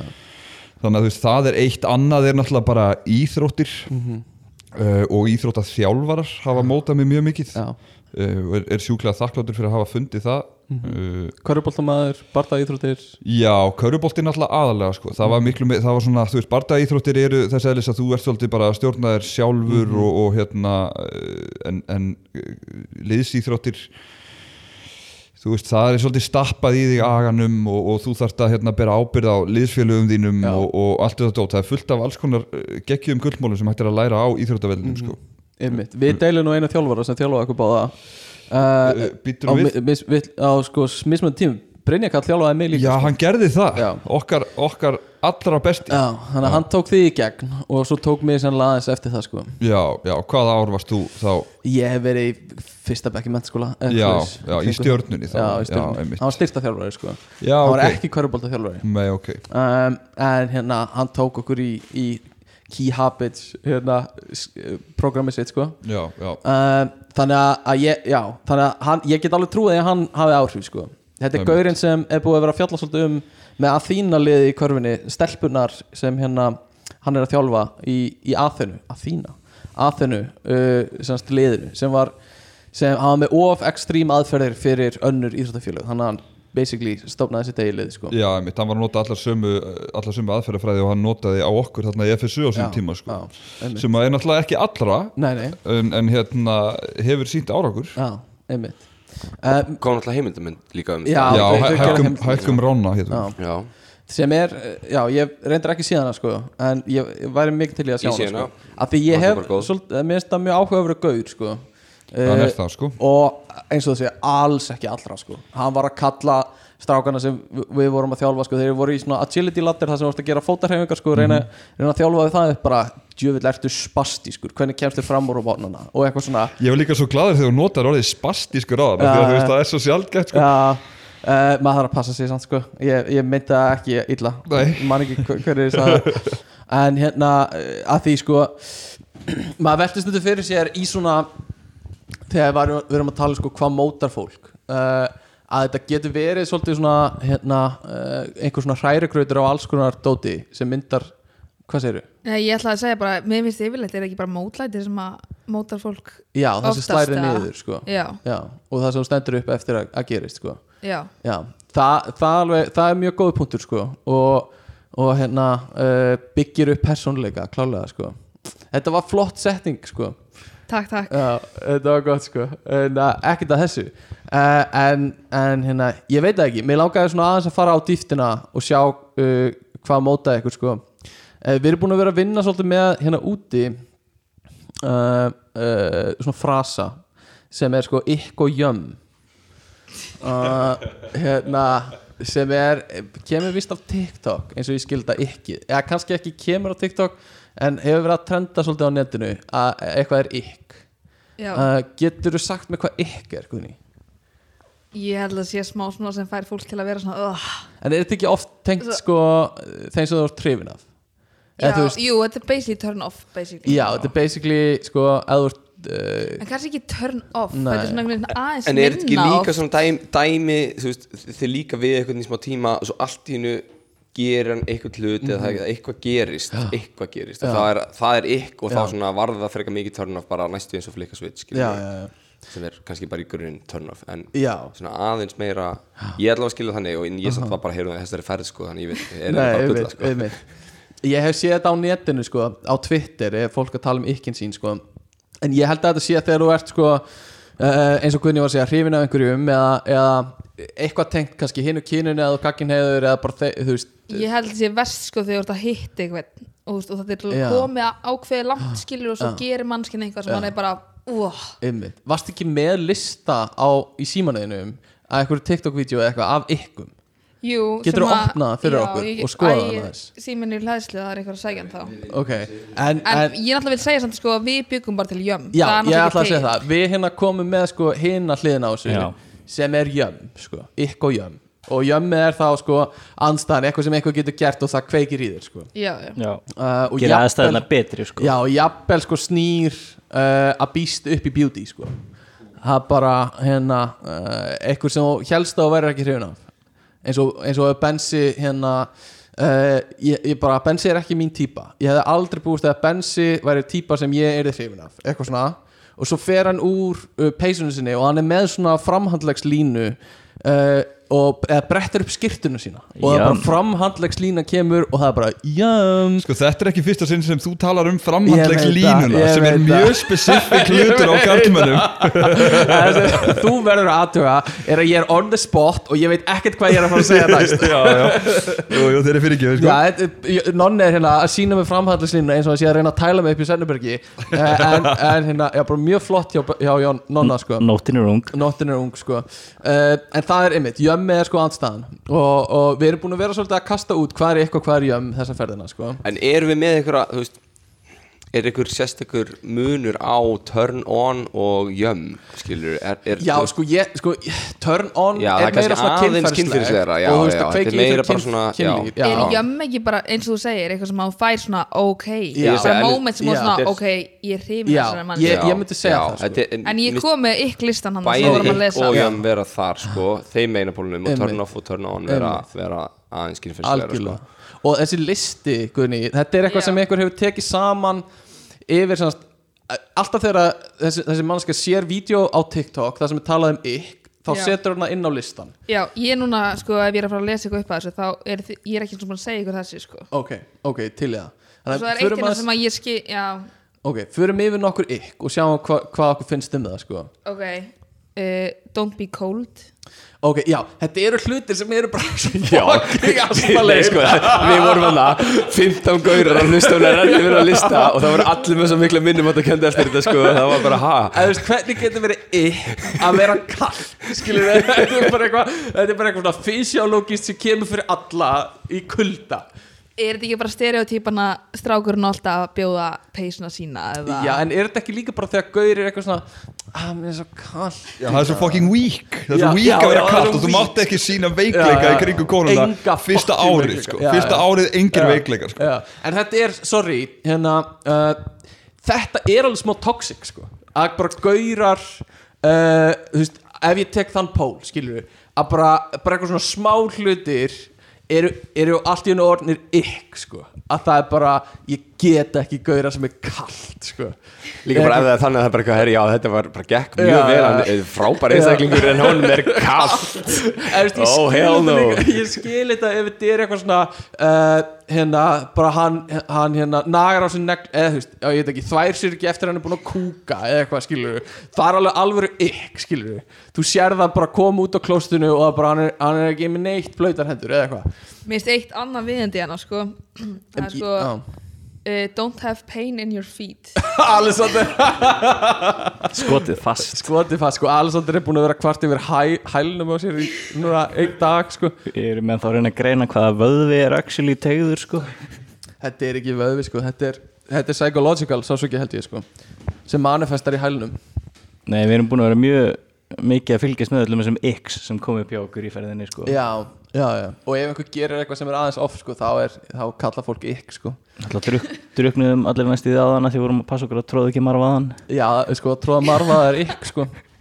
En hérna, ok, hvað, fleiguðu fleiri fram Guðni Hvað eru fleiri ykk sem varst með? um, Þetta er don't, semast alltaf persónlega listar hennar Guðni já, uh, don't wear skinny jeans Já, ég hef heyrt þetta sko. Um, don't have fun on holiday. Stopp, stoppum aðeins með skinny jeans. Þú tekur þennan svolítið nærið þér, er það ekki? Já, ég gera það sko. Þú nefnilega ert ennþá að rokka alveg sko. skinny jeans á, á hérna árið 2023 ég, ég kann að meta það því að sko skinny jeans tímabilið það var gott tímabil fyrir kallmenn alveg sama hvað hva fólk vil segja í dag sko. það var gott tímabil. Já, já, en já er- einmitt, En þetta er líka, þetta er smá kynnslöðamunur sko, að, að þetta translitar áfram. Það er bara komið það langt síðan að þetta var bara málið og svo lifir þetta bara ennþá í mönnum, skilur, þó að sé kannski ekki hverjum degi, sko. Nei, ég bara líka meik ekki alveg að vera í sko, að ég er með svolítið stór læri og stórt mitti sko, að vera í einhverjum huge ass buksum sko, uh, sem eru bara eit- eitthvað tjald sko.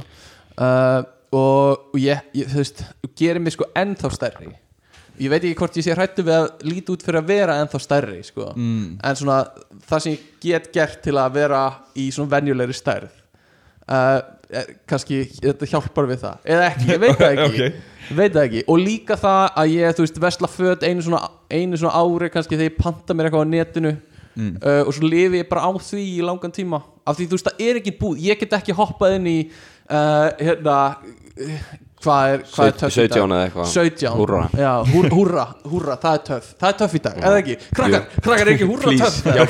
og hérna, ég get ekki hoppað inn í húrra og sagt bara, síndu mig fötið svo átt á mig. Það er bara ekki til uh, og ég þarf að fara í búðir og ég þarf að verða ég þarf að verða excited þegar kemur frétt sem er eitthvað svona eins og stát búð fyrir stóra kallmenn var að opna í ármúlanum eða eitthvað þá, á ég að verða spenntur sko. eitthvað svona. Uh, þannig að það er, er ekki hlaupið að því að máta og prófa alls konar fött fyrir mig skilur uh, þannig að, hérna, ég er ennþá að rocka er það það sem að mótaði þig helst sem einstaklingur? Sko- að við erum ekki búin að taka þig sko. Nei, nei, nei, það er góða punktur sko. Ég, uh, ég, ég var stór krakki uh, Svo var ég mjög bara svona góðu formi í mentaskóla Og, og uh, aðeins eftir mentaskóla Og svo var ég ennþá stærri eftir það. Mm. Og bara, þú veist, lifti eh, Hef alltaf verið að lifta En hérna uh, Þannig að ég veit ekki hvort það Það hefur auðvitað mótað með eitthvað. Mm. um, Sennilega. Mm, En ég veit ekki, örgulega sko að æfa körubólta eins og þið voru að tala um, hefur móta það gefur manni smá svaggar líka sko. Það gerir það sko. Uh, og þú veist, þú ert að hlusta á ákveðna típa tónlist, þú kynnist henni uh, all, allir tónlist sem ég hef kynnist að meir og minna hefur verið í gegnum íþróttir. Mm. þú veist, það er, það er sko hip-hop og eitthvað svona í gegnum körfuna. Það er rock og metal í gegnum liftingarnar, Einmitt. alveg mikið sko. Það er reyndar eiginlega sko hérna eh, það er sko hip-hop er svo rosalega viðlóðið körfubólta Já, mjög. En uh, og, og mér fannst einhvern veginn svo engin önnur íþrótt væri svona en þegar ég spá í því þá eru veist liftingar, kraftliftingar og metal hlýtur Já. að vera bara alveg eins sko. er það ekki? Það er það sko uh, svona, svona Ramstein, Þísk metalög sem, eða svona metalhljómsveitir sem maður hefur ekki heyrt um sko Já. er mikið spiluð uh, norskar sko svona dauðametal og eitthvað Einmitt, svona einmitt, eitthvað svona finnst eitthvað finnst eitthvað drast sem þú veist ekki skálmöldi mikið spiluð uh, Metallica og eitthvað svona þetta er svona þunga tónlistin sem setur í gang þegar þú ert að lifta sko sem er geðveikt sko og svo er hinpóllin á hreyfingu svona líka sagt er sko poplögin og pop remixin Já. sem liftingarnar tengja ekki alveg að mikið við sko. Nei, því að það er kardió og, og við erum ekki þeim megin í lífinu nei, nei, nei, við erum ekki þeim megin í lífinu sko. uh, uh, hvað hefur mótið með meira fjölskylda mín eru mjög mikið báði fóldrar mín eru sko heimsbyggingar og siðfræðingar uh, og ég held að það hafi haft mikil áhrif sko. Það vissulega hefur gert það þau eru sko uh, bæði með doktorskráðu í, í siðfræði núna og mamma mín er eitthvað læknir líka uh, en eru svona akademíu fólk sko mm. og, og uh, svona bara ákveðna típur svona siðfræði, mikið í siðfræði Já, sko. þetta er allt farið að meika svolítið sens þannig Mhm. að þú veist, mataborðið hjá þér var örgulega bara eitt hlaðvarp. Já, og svo ert þú bara að halda hefðinni gangandi. Já, svona semi sko. Uh, pappi minn talar ekki drosa mikið uh, en, en þú veist, þegar hann segir eitthvað þá er hann búinn að hugsa hvað hann ætlar að segja held ég sko. Og þú veist, það er meira svona ef ég segi ég er svangur þá er spurt sko hvað er að vera svangur skilur í staðin fyrir að gefa maður. Uh, en hérna uh, nei þetta var alveg þegar það var fiskur þá var alltaf saga. Þá, þá sagði pappa alltaf sögu sko. Og það var oftar en ekki einhver svona seðferðileg dæmisaga sem er mjög fyndið svona pæli í eftir á. Sem er ógæslega fyndið sko. Þetta er svona eins og þú kemst að vera mjög trúuðu heimili og en samt engin trú Já, sko. einmitt, einmitt. Þetta er svona semi þannig. Uh, og við fórum ekki til útlanda þú veist við vorum aldrei rík sko þó við byggum í Garabænum Já, við áttum þetta samtala á hann Já, eða Já, með útlandaferðinar Já, já, já, já, ymmit, já, við fórum aldrei til útlanda. Já. og við, þú veist, eina sem við gerðum pappi á, sko, er úr sveit og við fórum alltaf þangað, sko. Hvenær fórstu fyrst til útlanda? Ég fór fyrst til útlanda uh, með ömmu minni og mömmu þegar ég var 8 ára uh, til Danmerkur að heimsækja vinkonu ömmu minnar að því amma mín átti ekki langt eftir lifa ferð Já, að hverja vinkonu sínu sem bjóð í Danmörku.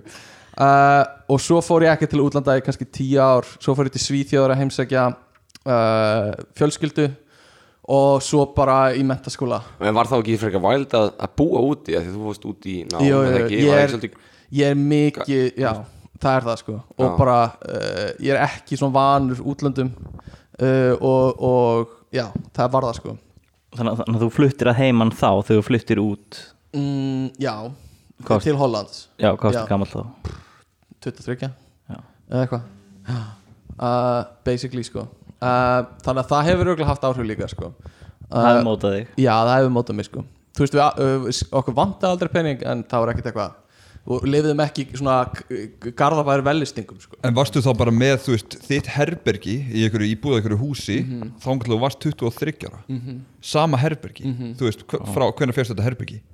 uh, við fluttum þangað þegar ég var fjögur ára Fuck me, maður, það er sko, her- vilt fyrir mér sko. það, sko. en herbyggi mitt, ég veit að margir svona personalæsa það og pimpa það upp og eitthvað svona Já.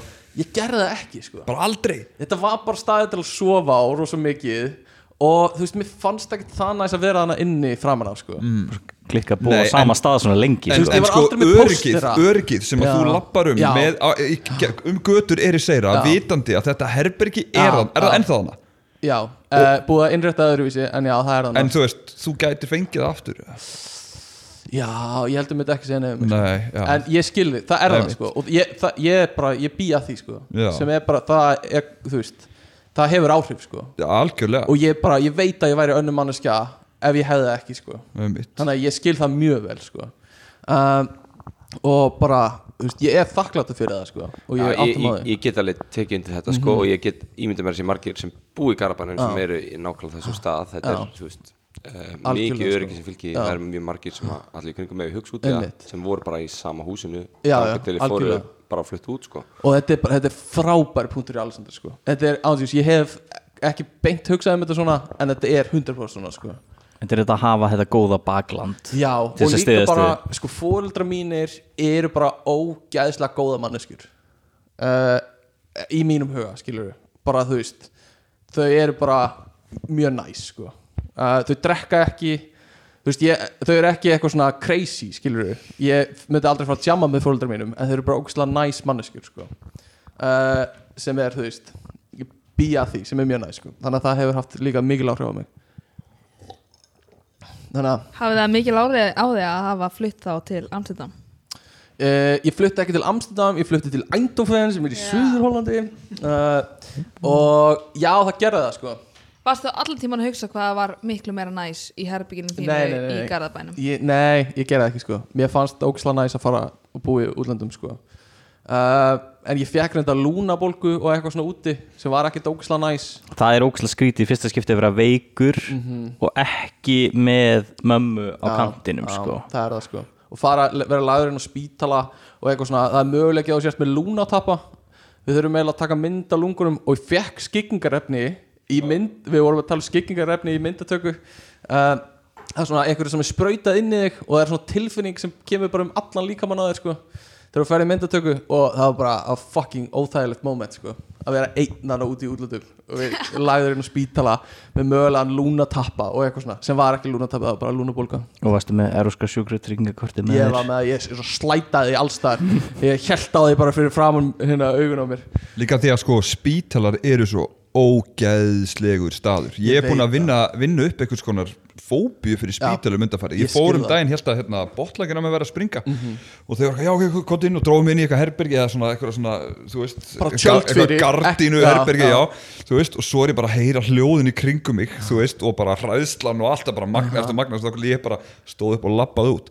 Það var ekkert hringdi mig aftur eða neitt, sko, ég fekk bara einhverja, einhverja 15-20 skona rukkun, það er enginn að spá í mér, sko það er svona skrítið system. Ég er nefnilega úti, sorry Gunni Mm. Nei, að bara í klára eitt. Uh, Ég var þannig ein, lá einn á bekknum með súrefni í, í andlutinu og eitthvað svona og það kom bara manneskja út í Hollandi sérstaklega, bara vann við það að koma inn til sjúklinga og tala við þá.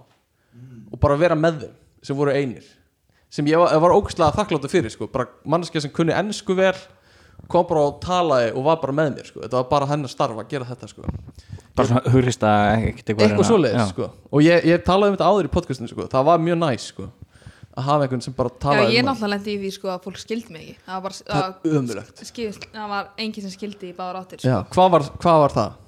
uh, Ég sem sagt fekk taugarsjúkdóm á Tenerife Mhm. og var lögð inn þar og að það var COVID þá mátti enginn vera með það er sökkar sko. en ég, við reyndar gátum keift enga herbyggjana Mhm. meir hlutin á tímanum en síðan var, skilur, ég fór á hana bráða hvað var bráðumóttakan já, bráðmóttakun í hana nokkra daga sem Mhm. að enginn skildi neitt og ég skildi þau ekki og þau skildi mig ekki og Já. þetta var bara mesta chaos sem að ég upplega það sko. er rosalegt sko. en það var samt translator sem komu hana frá 8 til 4 Mhm. og gátu inn á milli hana svona sínt á milli skilur já, komið svona einstakar sinnu translator til að geta, þannig að þú getur já, já, bara þegar læknarnir komu samt, sko. það er en rosalegt restin var bara eitthvað tákmál og Google Translate. Já, nei, já, við vorum náttúrulega við downloaduðum ykkur appi, sko en ég var náttúrulega, ég gat náttúrulega ekki gert það þegar ég var ein, sko Nei. en það var bara basically liggja og reyna að vona til að þau myndu sjá í augun á mér hvað var að gerast. En pappiðin þurfti eitthvað að, að, hérna, að reyna að nota þetta Google Translate hérna, var það ekki? Já, er ég að fara að segja það? Nei, já, bara, að þú- Já, ok, við vorum svo satt hérna uh, já, eins og ég segi þá vorum við að nota svona app þannig að við töluðum ennsku við það Mhm. og það translitaði það sjálfkrafa á ennsku, þannig að, Mhm. nei, á spænsku þannig að, þú veist, síminn talaði Mhm. spænsku tilbaka og hérna, við vorum svo að spurja hvort að það væri lægi að taka æðalegg úr hendin á mér já, og hérna pappi minn er að tala við síman og er að segja þetta á ennsku og síðan sér hann sem sagt appið skrifaði á ennsku það sem hann ætlaði að segja á spænsku og það stóð bara uh, Can he still have sex?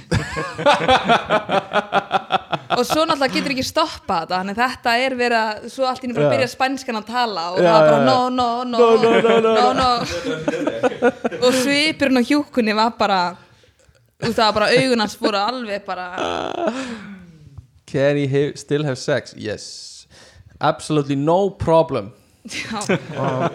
Ríklægt að pappi eins ég líka eitthvað að spyrja ykkur svona fyrir ég er miklar ágjur að dóttir minni sko. ég verða að komast að þessu. Uh, já, þetta, þetta er ske, svona, maður þarf að finna sko léttu momentin í, í svona uh, erfiðum aðstæðum sko. já, engungu sko. Engungu uh, sko uh, ég er með eina spurningu og mér langar bara að heyra frá ykkur. Ég veit, held ég svari við þig hjá þér, Nonni. Uh, veit ekki með Bensa. Ég held hann hafi einhverja svona lausa sögu tengingu mögulega, veit ekki með ykkur tvö. Um, en hérna hafið einhverja upplifanir eða eigið einhverja góða draugasögur sem þið hafið upplifað? Trúið á eitthvað svona tengt þessu? Sko, nei raunverulega ekki og, og, og þegar þetta kemur upp þá oftast lokka ég bara út og hérna mæti aftur síðar uh, þetta umræðumni en uh, ég lendi í því reyndar að hérna í, í þar síðustu íbúð sem ég var í þá hérna þá var einhver sem senda á okkur þátt af reymleikum sem var á rúf á einhverju tímapunkti og hérna sendi hérna skjáskot og sagði, er þetta ekki er þetta ekki eldhúsið þitt eða?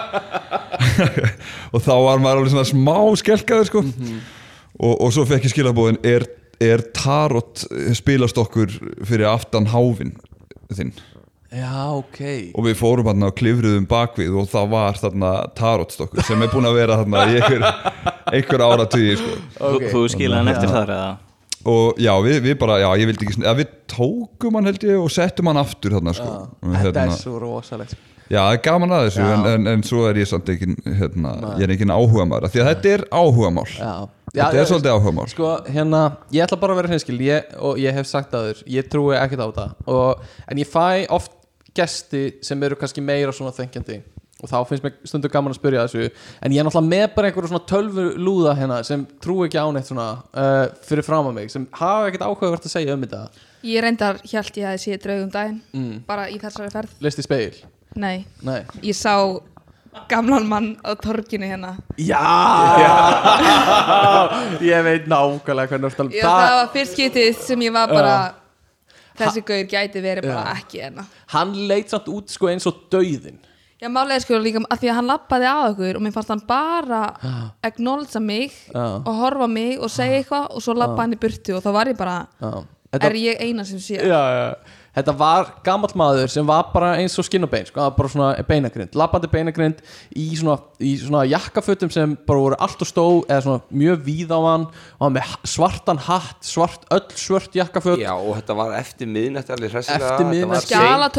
Já, skjálatösku eins og hann var að rukka sáli sko, að sapna sálunum sínum í skjálatöskuna og sko við hefðum náttúrulega, við vorum nokkur á torkinu sko og við hefðum átt að spila þetta þannig að við myndum, segðum að við sæjum hann ekki og láta Guðni að halda að hún væri eina sem sæja hann sko. Það hefði verið langt besta múfi til að spila hana uh, ef við svona mistum aðeins að því. Uh, er ykk eða jömm að trúa drauga? Ykk Er ykk eða jömm en Já, að trúa á svona stjörnukort eða svona, svona Er það meina stjórnumerki? Já, eh, sko ekki sko, Að lesa Sigur Kling og vera bara Hei, já, ok, þetta er mánuðurinn minn. Sko stjörnusspá og stjörnuspeki eru tveir mismundar hlutir. Stjörnusspá er að lesa það sem kemur í fréttablaðinu Stjörnuspeki er að lesa stjörnukortið og reyna að skilgrina einhverju persónlegu útræði. Ég trúi jafn lítið á kortveggja en er það ykk eða jöfn er spurningin. Persónulega fyrir mig er það ykk Sko, ég er með þér í að trúa rosa lítið á Mhm. það og ég hef, það er meira segla ég reyni bara svolítið að lokka mig út eins og alls þetta að tala um hann. Já, já, viltu ekki taka þátt í þessum Nei, astnalegu umræðum sem en- astnalegi Stefán kom með? Já, og hérna Ég, ég verð að byrja stafskan, ég er að missa röddina hérna Já, Þetta er, við erum hérna á sjönda degi vindaferð uh, En já, sko Mér finnst þetta ekkert endilega vera ykk e, nema að sé svona mjög mikil trú á þessu skilur, ef þetta er svolítið fara svona bara maður er í vondu skapið daginn og það er bara því að maður er eitthvað ákveð stjórnumerki sko. um, þá, mér, já, mér finnst það eiginlega finnst það hallast ykkinu 100% og, og, og fer eiginlega eftir hversu mikið er, er, er verið að pæla í þessu sko. Einmitt. Ég sá að Alexander var eitthvað aðeins að kýtla að grífi mækin Já, mér langaði, já þú veist, það, fyrsta sem ég hugsaði var bara hérna Það er klálega ykk Aha. En Hann er ge, svona já, já, bara gæluna sem eru í þessu samt Eru alltaf með einhvern annan hlut sem að cancelar það ykk út sko. Já, já, já Eiginlega alltaf. Það er eitthvað annað jöfn þannig að Það er jömm sem að cancelar út ykkur skilur Ekki alltaf, ekki Nei. alltaf skilur Er það persónuleika tengt eða útlitstengt, heldur þú? Uh, já, þú veist, Erum við að tala um, þú veist eitthvað svona uh, að hún sé mjög uh, lagleg en hún er alveg vel Já, ég var að hugsa útlitstengt þegar ég sagði þetta sko. Já, ég, ég skil hvað þú ert að fara með það sko uh, Ok Þannig að basically, ef við, ef við zoomar þessum þetta að þá er þetta maður lætur sig hafa það, það sem, já, já. Mér þetta með dókslega fyndin umræða Mm. Mér finnst eins og sko strákar, það skiptir eiginlega ekki máli hversu leiðileg eða Mhm. skrítin gælan er svo lengi sem hún sé nógu sæt Mhm. eða heit þá eru gaurar góðir en mér finnst sko gaurar veist, frá stelpumegin síðan geta verið ógeðslega ljótir Mhm. en ef þeir eru bara með geggjaðan persónuleika þá bara er það geggjað fyrir stelpur sko. Mhm. en mér finnst strákar aldrei vera með ljóta gælu og sjá góðan persónuleika og Mhm. vera bara þetta er eitthvað sem að ég sé fram á Ég skil þig uh, uh, hva, hva, Hvert er eitthvað teika þessu strákar? Svo ég þurfi ekki að tjá mig hérna. Já, ég veit ekki ég, Ég er fullkomlega ósamalað þessu Ég held að Eitthvað til í þessu, klárlega Finnst mér, Já, svo við grípum fram fyrir hverju öðrum hérna. Alltaf að ríkalegt að Alexander sé að segja að hann sé mest ósamála þessu sko, því ég myndi halda að hann væri mest sammála þessu. Ok, við erum komin hérna. ég, Ég ég, tek ég þetta bara á kassan og, og held áfram með mitt líf sko. En þú veist, gefum okkur að þetta sé satt og rétt. Haldið þetta sé, þú veist, að- ef maður zoomar þessu út og pælir í af hverju þetta ætti að að gerast Haldið þetta sé þá eitthvað svona ímyndatengt líka að þú veist, að gaurar sé það meira til að, að þú veist, það komi betur út fyrir þá að Sko, það er einn pæling. Ég hef líka alveg heyrt Sko, ég ætla ekkert að segja hvað er satt og eitthvað rétt í þessu En það hefur verið eitthvað svona varpað fram Það hefur verið varpað fram.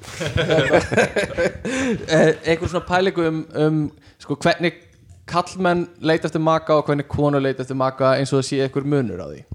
Uh, að, þú veist, menn horfa á ég veit ekki, eitthvað sem sjá og konur eru meira eitthvað sem þær finna eða heyra, eða eitthvað svona. Uh, að það sé einhver svona þannig munur að útlit skiptir meira máli fyrir kallmenn og eitthvað. Og ég veit ekkert, ég er ekkert endilega þú veist, það er ekkert endilega satt. Þetta er náttúrulega allt persónubundið og eitthvað. En ef við ætlum að búa til stereotypur út frá einhverju svona stærri hópum þú veist, þá finnst mér alveg það sem þú varst að segja Gunni alveg svona meg, þú veist, ég skil alveg hvað þú varst að fara sko. þú veist, maður sér oftar held ég ljótan kallmann með bara myndalega stelpu heldur en uh, ljóta stelpu með myndalega kallmanni eru þið, þú veist Eh, Já, ég, ég, ég held þessi sammála sko, með það, ég veit ekki hvort það er, þú veist, bandarísku bíómyndinar En eða er, það er það, erum við þá að tala um maka eða erum við að tala um bara eitthvað svona Já. tveggja mánaða, þryggja Það, mánaða það er eiginlega næsta sem ég ætla að koma inn á En halda það fram Já, nei, þú veist, það er bara basically punkturinn minn. Þú veist, að, að, þú veist það er þá kannski bara eitthvað stutt stopp þar sem að sá, hérna, kallmaður eh, kannski hugsaði bara, já, ég nú, nú hérna, beila ég á persónuleikunum ég ætla bara að velja mér eitthvað sem ég þykir fallegt. Og svo gefst hann upp á því því að það, til, til langtíma þá þá mun það aldrei ganga upp. Eða þú veist, finnst mér að það sko. Þú hefur nú verið í þessum aðstæðum áður, Bensi Hvernig, hérna Býtu Nei, ég ætlaði bara að reyna að fá eitthvað aðeins meira fút í þetta. Við erum komin, komin, komin í hérna komin í Já. svolítið sko að því að við ætlaðum að fara í eitthvað svona útlandapælingu. Já, við ætlum að gera það sko. Og, og við höfum svolítið mist þráðin Já, ég man ekki af hverju við byrjum að tala um þetta. Uh, Mér langaði samt að heyra kannski eitt eða tvö ekki viðbót sko Af þessum góða Já, lista, sem við lista. vorum að tala um sko Af því já. mér finnst þetta svo æðislegt konsept uh, Af því þetta eru svo gjörsamlega brenglaðu ykk oft sem koma upp Já, eitt af listanum hérna er sko Now unable to jump into water Þannig að þú mátt ekki hoppa hún í vatn Já, þú, þú mátt ekki hoppa hún í vatn Nei. Basically uh, Það að hoppa hún í vatn er ykk mm Mhm. Skilur við, sem, þú veist En er það, er það út af einni mannesku eða þú veist, bara var það hvernig manneskan hoppaði onni í vatn? Að það gerðist, það gerði það á einhvern ákveðin hátt og það bara nei á, þessi manneska mun aldrei En sko, ef að það er ekki dífa þá er það eiginlega alltaf vík Ef þú hoppaði bara ofan í fokki laugina þá er það fokki ah, Ok, þannig að þú ert að segja mér að ef þú ert að deyti með einhverju gaur og, hérna, og hann gerir cannonball eða eitthvað og er bara að skemmta sér í tætlur er bara að hafa the time of his life þá ert þú bara hvað er þetta? Eitthvað svona bara, Þetta er náttúrulega ekki minn listi sko. Nei, nei, nei. En það getur alveg verið að ég get alveg viðkjönda það. Er svo gott sko. Uh, En þetta sko en hvað erum við að tala um? Þetta myndir samt aldrei einhvern veginn vera bara eitthvað láta það vera bara nei, ok. Nei, nei, nei, nei. þetta er alveg búið að því að hann hoppaði svona vatn. En hvað Ok, en svo bara að því þú segir að getur alveg verið Hvað heldur það sé við þetta sem er? Bara eitthvað að hann sé að leika sig eins og krakki Er það málið? Eða eitthvað svona Að hann sé Já, svo er svona, svona- oft hvernig Nei, í vatn oft, Eitthvað svona Það er oft hvernig hoppið er oft svona. Já, þeir geta skal- Þetta ég kjarta skal svolítið en þeir eru að missa kúli Já, í já. millisekundu Þetta hljópa svolítið sem þetta sé þannig sko. Ég gæti alveg leikið fyrir ykkur svona hvernig svona kannból ykkur væri sko. Já. Ok, sorry, uh, væri ykk? Uh, Ef að þú var á deiti og hann myndi afsaka sig Herðu Ég þarf að bræða mér afsýðis Viltu hafa mig afsakaða? Fer á klósetið, kemur aftur eftir, ég veit ekki, fimm myndir eitthvað Og þú ert bara svona með hendina á borðan og býð eftir honum. Og hann svona, svona slætar hendinni sinni eftir svona hendinni þinni Og þú fattar að hann þurrkaði sér ekki um hendunar Þannig að það væri svona blöyt rá Verða ykk uh, Ég væri bara einn sem ég er að pæla væri af hverju hann væri að gera þetta með blöytar hendur eða skilur þá væri ég svona, það er einhver Ekki alltaf fylgjengur með þessu. En maður er ekki alltaf með svona góðan. Þegar maður er búin á klósitinu og maður er að hvað og hann myndi fatta sko. að þetta og segja eitthvað ah, Ég myndi hugsa strax að þetta væri bara pissa eitthvað eða þú veist, já, myndi hugsa það strax. Ég líka, hver kemur með blöytar hendur eitthvað? Já, já, Passar ekki alveg sko. Nei, nei, að nei. þurrkus í mig eða fattar þið? Já, þú veist, hann væri náttúrulega Ég hugsa. Var hann að reyna að vera- vera eitthvað svona sexy Eitthvað svona uh, ég var bara einhvern veginn að hugsa uh, að reyna að vera sexy fyrir uh, stelpunum sem ég var að hitta og, nei, tjók, þetta er ekki ég. En hérna uh, nei, hérna, ég veit ekki. Mér finnst bara svo fyndin momentin þegar þú kemur á klóstinu og varst með blöður hendur sko. ég lendi í þessu þegar það var gauð frá bandaríkjunum hérna. Já. Frá hérna einhver Jeff, eh, ég man ekki hvað hann heitir. Og ég var nýkomin á klóstinu í vinnunni kemur í eldhús. Hann er mjög ákvæður, hann vil alltaf hilsa öllum Já, sko. hann bara, hi, my name is Jeff. My name is Jeff, eitthvað svona, segir við mig Og ég eitthvað, rétt hún á spaðan og bara Og ég teki hendur á hann og eitthvað Ef hún datateiminu Og svo sé ég hann svona þurrka hendina í buksunu sína Þegar ég burtu. Og ég bara, ég er aldrei að fá stöða hækkun hér, sko En þetta er allavega staðfesting á því að hann þvoða sér hendunar svona, Já, er Já, sko. ég, ég á eina svona mjög skrítna sögu með þetta uh, þegar við vorum hérna, við þrjú, ég, Guðni og Alexander vorum eitthvað á djamminu uh, eftir eitthvað vinnudæmi á Já. príkinu og ég eignaðist besta vin sem að hérna, Alexander þekkti held ég eitthvað já. en basically bara að því að ég fór að pissa Já. og, og svo var hann bara chatti Já. og svo var hann, ég, ég var í spreng og hann fannst ég vera að pissa svo lengi Já. og hann bara, heyrðu, þetta er eitthvað heimsbæður og ég eitthvað, herri, já, já, eitthvað, eitthvað. Svo, svo bara fer ég að þóma um hendurnar og hann er farin út og eitthvað og svo bara, priki, það var ekki eitthvað þurrka af sér hendurnar. Og ég lappa fram og hann bara blessa mér, takk fyrir spjalli mistari og ég var með bara rennblöytar hendur og, og var fully committed og mér leið svo illa með það og mér, þetta var ekki gott Nei, sko. ég skilja Er eitthvað satt betra en gott langt piss? Nei, í alveg tala Hérna stoppa ég vanalega Og þeir heldur samt áfram í alveg hálfa myndu Það er visla sko, eru Það þið eitthvað að vinna með að eru þið eitthvað að vinna með að stoppa á miðri leið? Nei, og byrja svo aftur? Ég gera það stundum, ég gera það meira þegar ég var yngri. Já. Þá var ég svona, þá var ég hérna svona kvattvísari og aðeins meira í flippinu sko uh, Nú er ég meira í business pissi sko. Ég klára bara það sem ég þarf að gera sko. Business biz, pissa vinnutíma. Það er bara bara búið afgriðslega sko. þetta. En ég hafði alveg gaman sko, var svona stopp að Þeir segja þetta sé ákveðin æfing sko fyrir, Já. fyrir hérna Blöðruhálsin. Já, eða hvað sem heitir. Nei, já. mitt.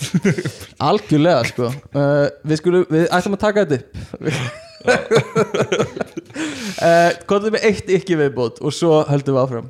Uh, svo förum við að hérna í síðasta og förum að loka þessu. Eh, það er sko don't use a frisbee nei, hættu, Það er við ykkuðum öll í dag. Já, klálega.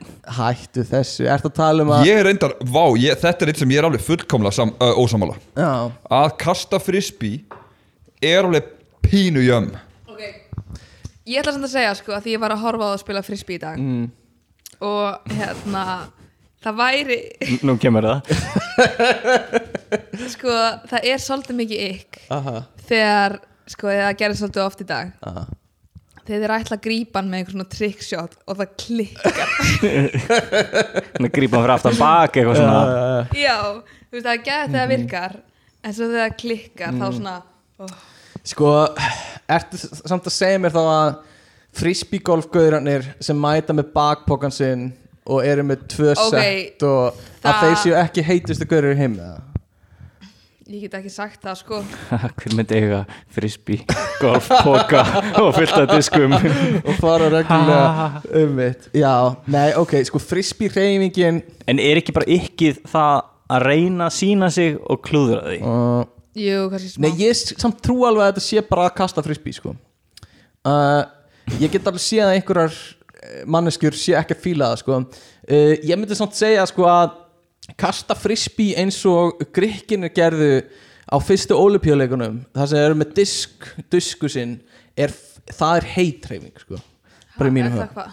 Það er ég, Varst ég get þú ekki að kasta frisbee sem nákvæmlega Já, svona e- í frisbeególunum sem við vorum í? Uh, Jú, ég, ég, ég gerði svona sko. Það er náttúrulega líka ekstra heitt sko. Þá, Við erum að ta- ah, Nú þarf ég að lýsa þessi podcasti sem er alltaf erfitt. Í stað fyrir að kasta svona eins og hefðbundna eða kasta venjulega þá kastar þú svona á bakhendinni eins og þú sér kannski að freit, fleita kettlingu frekar.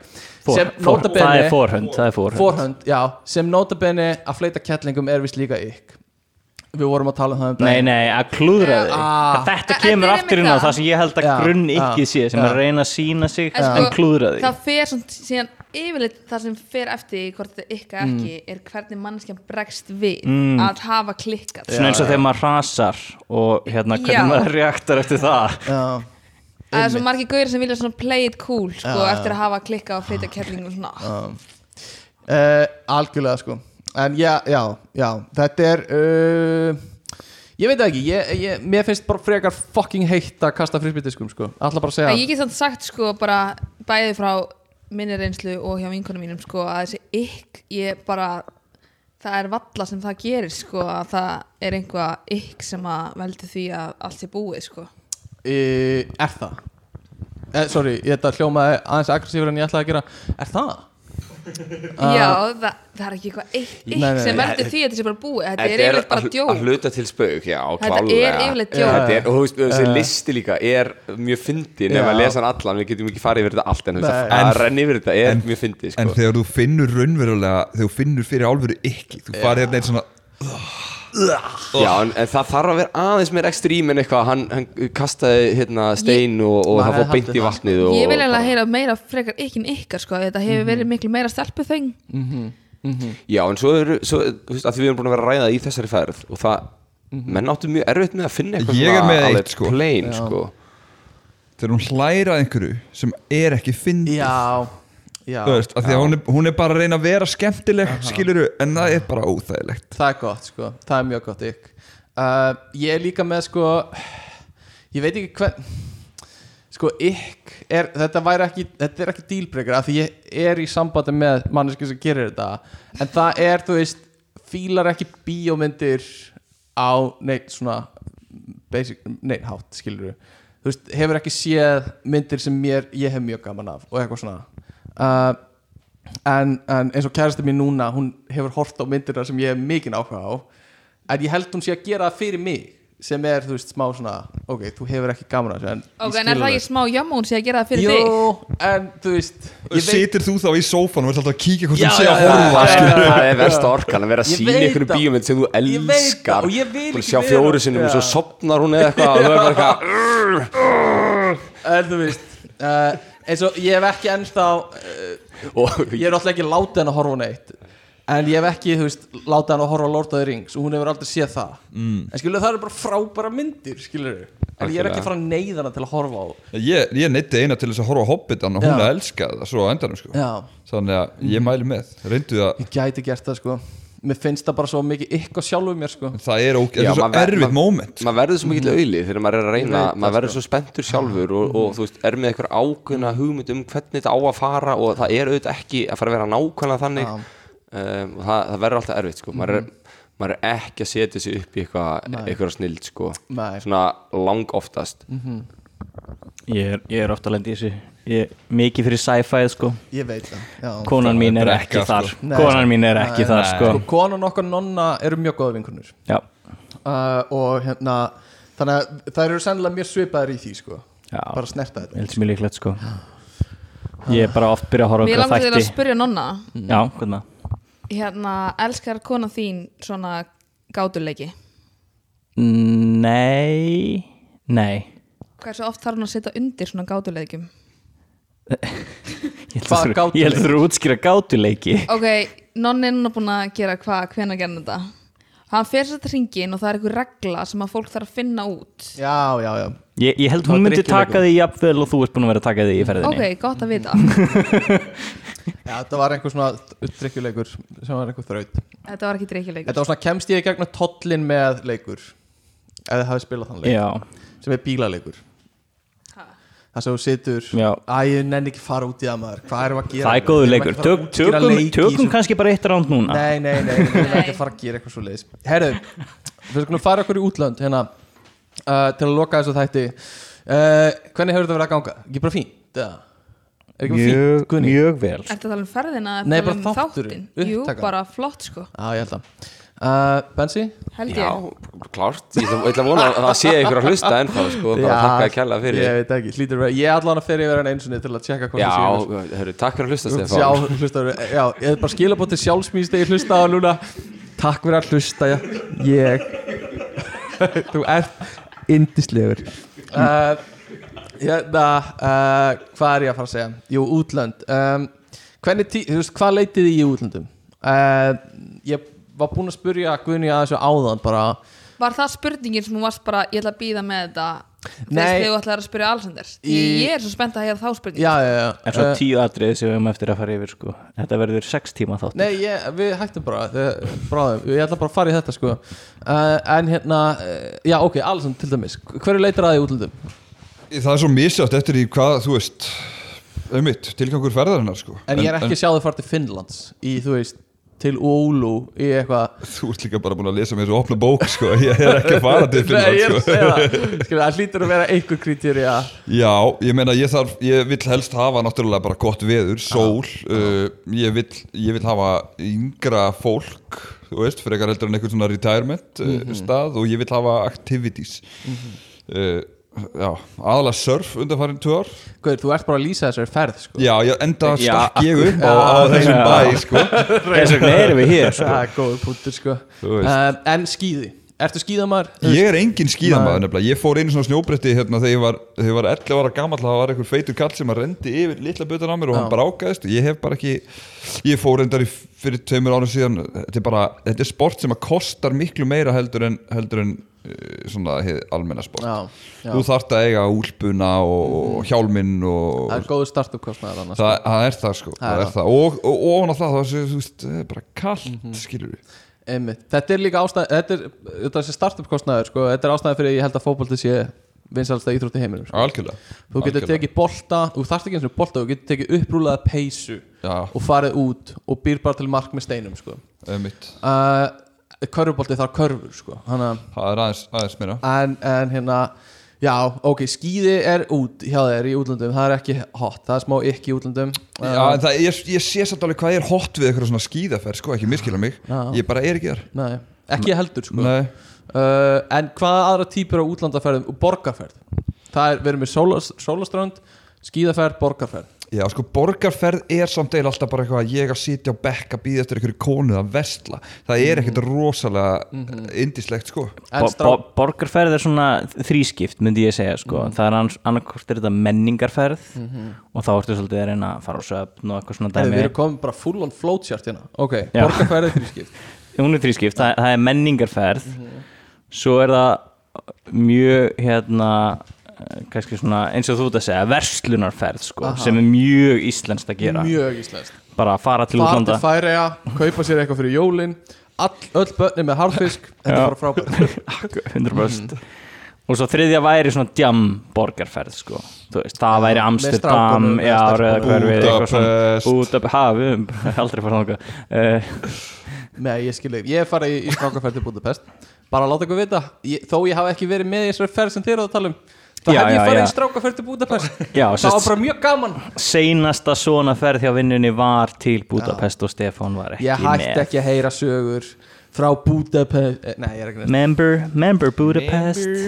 En hérna e, Hvað annað? Jú, einhver svona Einhver svona uh, Hvað er ég? Ok, það eru tvær aðra ferðir sem þetta er hug Það eru reysur sem við förum aðalega til Suður Ameríku eða Asíu hérna á Íslandi til. Og dýrt að fara. Uh, Já, og svo er eitthvað svona sjálfbóðlega starf einhver staðar í, í byggja fleiri kirkjur í Afríku einhvers staðar. Uh, Já, já, eitthvað svo leiðis Í þá átt, skilur við Eitthvað svona, ég, ég þekki af einhverju sem hafa farið í svona sjálfbóðlega starf Eitthvað af þessu sem er að kýtla því Alexander Sko, mér lákar rosa mikið til Afríku, ég ætla ekki að ljúa Aha. Mér lákar rosa mikið, hvort að ég nenni að vera eitthvað að byggja ykkur kirkjur Ég skal freka bara dónlita pening og, og einhver, einhver sniður getur gert eitthvað við þann pening heldur en, heldur en ég, sko. Myndur þú fara til Afríku og, og, og gera tónlist með einhverjum innfættum? Það væri geggja, þá myndi ég fara til Nígeríu ef ég myndi fara einhvert, sko. Nígeria er sko, það er fucking On pop and poppin er okkur að það sem ég var að hugsa. Nígería er eitt heitasta landið í dag, sko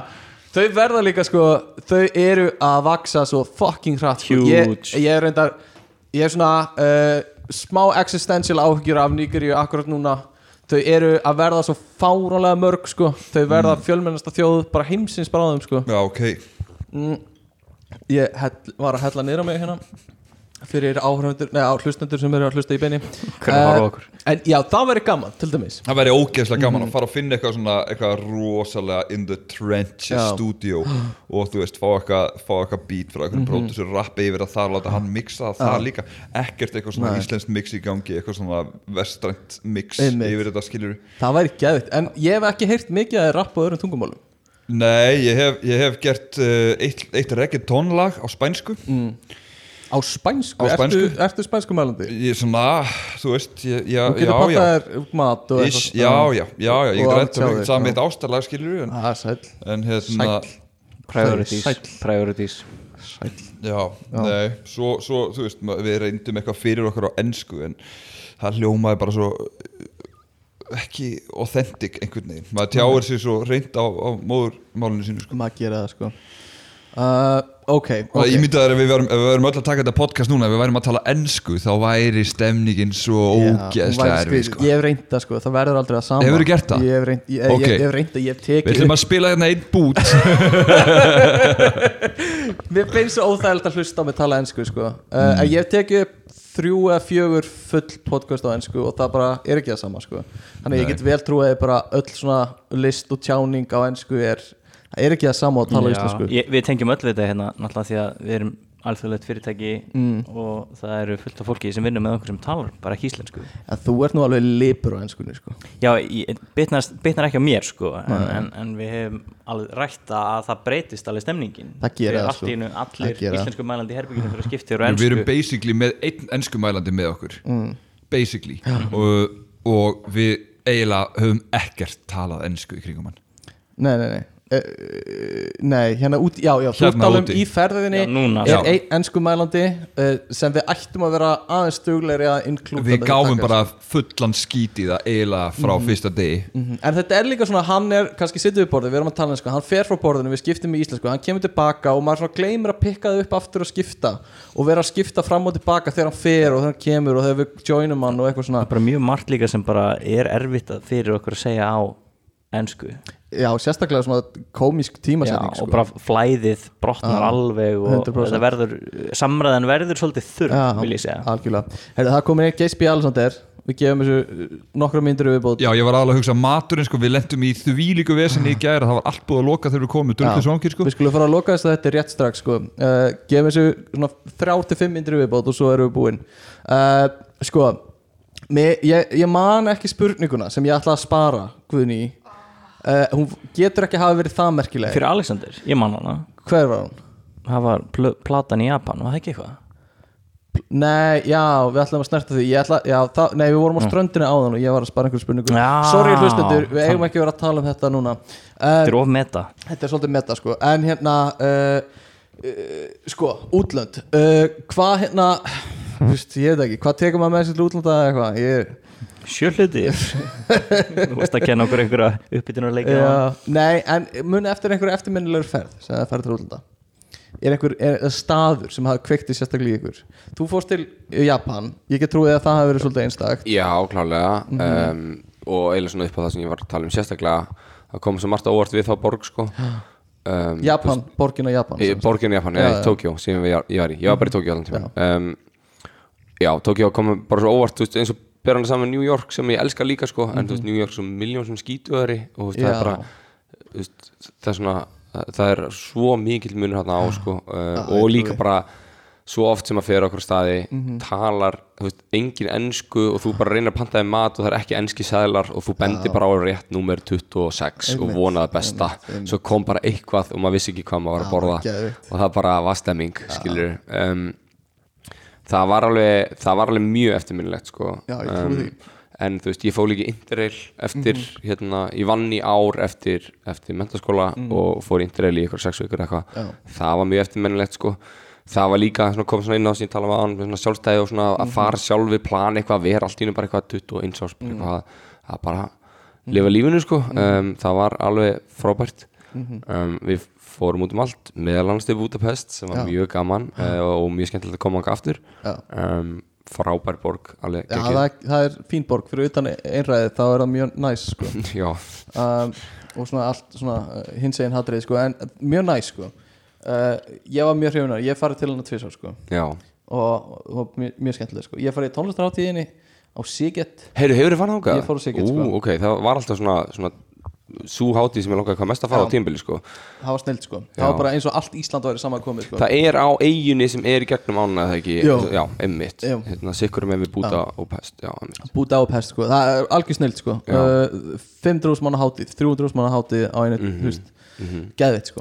uh, en Guðni eitthvað Ég sem myndi alltaf í hug? segja Costa Rica já, Fór þangað og langaði bara Þá var planið mitt að flytja þangað í daginn hvenær gerir þetta? Mm, Fór 2019 spila fótbolta í Kosta Ríka þá? Var það Nei, ég fór bara í uh, Amin og Afi Já. Í ára eða eitthvað. Þannig fór að heimsækja þau Og Já. þá var ég bara Ég ætla einn daginn að búa hér. Hvar er Kosta Ríka? Hvar er? já, Uh, Suður Ameríku Suður Ameríku Hann á milli, hann á fyrir neða Mexiko og þetta er mið Ameríku hann á í hann á litla mjóa dótinu á Einmitt. þar á milli. Já, tölur spænska? Já, já, Er þetta ekki partur á bandaríkunum? Nei. Það er Þú ert þessum Puerto Rico en, en það er samt eiginlega að tala um Costa Rica sem part af Bandaríkjunum því þetta er svo mikill retirement staður fyrir Kana sko. Já, vá, einmitt. En hvað var það, þú veist eitthvað sem kveikti í þér sérstaklega þar bara allt gamla sko fólkið við eða vorum Nei, við vorum í einhverjum svona pingu litlum bæ bara, þú veist, þú var bara væpið hana og ströndin og Mhm. mér fannst því svo lífið væri bara miklu auðvöldar að Já, ég trúi því sko. Það er oft hann í fríi sko. Uh, Já, ok, Costa Rica. Ég, ég, ég þekki einu stelpur á Costa Rica uh, Annars veit ég voða lítið um þetta land sko uh, Ertu með eitthvað fun fact Hvað er ég að gera? Ég veit ekkert hvað ég er að gera hérna Þið verðið að hjálpa mér uh, Ok, Alexander, eitthvað eitthva land sem Já, ég fór, ég fór til uh, Morocco einn um daginn? Já, það var algjör veisla sko. það var algjör veisla, ég flög til hérna Marrakesh ég er færð til Marrakesh já, einmitt, þú hefur líka farið til Agadir Ég hef líka farið já, til Agadir. það er sér podcast út af fyrir sig Aha. sko. uh, en hérna en já, ég fór þangað einn og, og mæti eitthvað um nóttu og er bara einhvern veginn, þú veist, í einhverjum taxa að fara í gegnum einhverja umferð sem er svo fullkomlega þetta er svo stutt frá Evrópu Mhm. en þetta var svo fullkomlega afrísk umferð og hérna svo förum við þarna inn í Medina sem er þarna þetta Gamla gamli bærin þarna í, já, og, og ég var að gista það sem sagt Varst það gist í metin? já, já, ég var þar inni sko Já, ég, ég nefnilega hef heyrt að sem sagt, í Marrakesh að það sé eitthvað annað en ég hef bara séð Medina Í sko. alvöru? Já, þannig að þú veist, sem er bara basically bara eitthvað svona Aladdin movie sko. Aha, það er það sko og Fyrsta sem ég sá í medinu var bara það var verið að slátra dýrum, það var verið að fládýr það var verið að búa til leður. Allt bara fyrir fram að vera að gera allt við þessi dýrana sko. Hérna, en ég fór á þetta Jemal Fna sem er þetta, þetta, þetta tork hérna. Mhm, og uh, þú veist, það var bara fleikt á mig einhverjum apa og svo var það að rukka mig fyrir að snerta apan sko, skilur og já, já. svo er einhver, einhver, einhver snákatemjarar og kóbrur út um allt og ég elska þetta sko. Mhm. en, en það sem mér fannst svona merkilegast ég er náttúrulega ættaður uh, af miðausturlundum sem að þetta er náttúrulega klálega ekki. En, en stemningin er, er náttúrulega mjög náinn sko Hefur þú verið mikið í miðausturlandi? Nei, ég hef ekkert farið síðan að ég var þarna sex ára gammal Mhm. til Palestínu sko.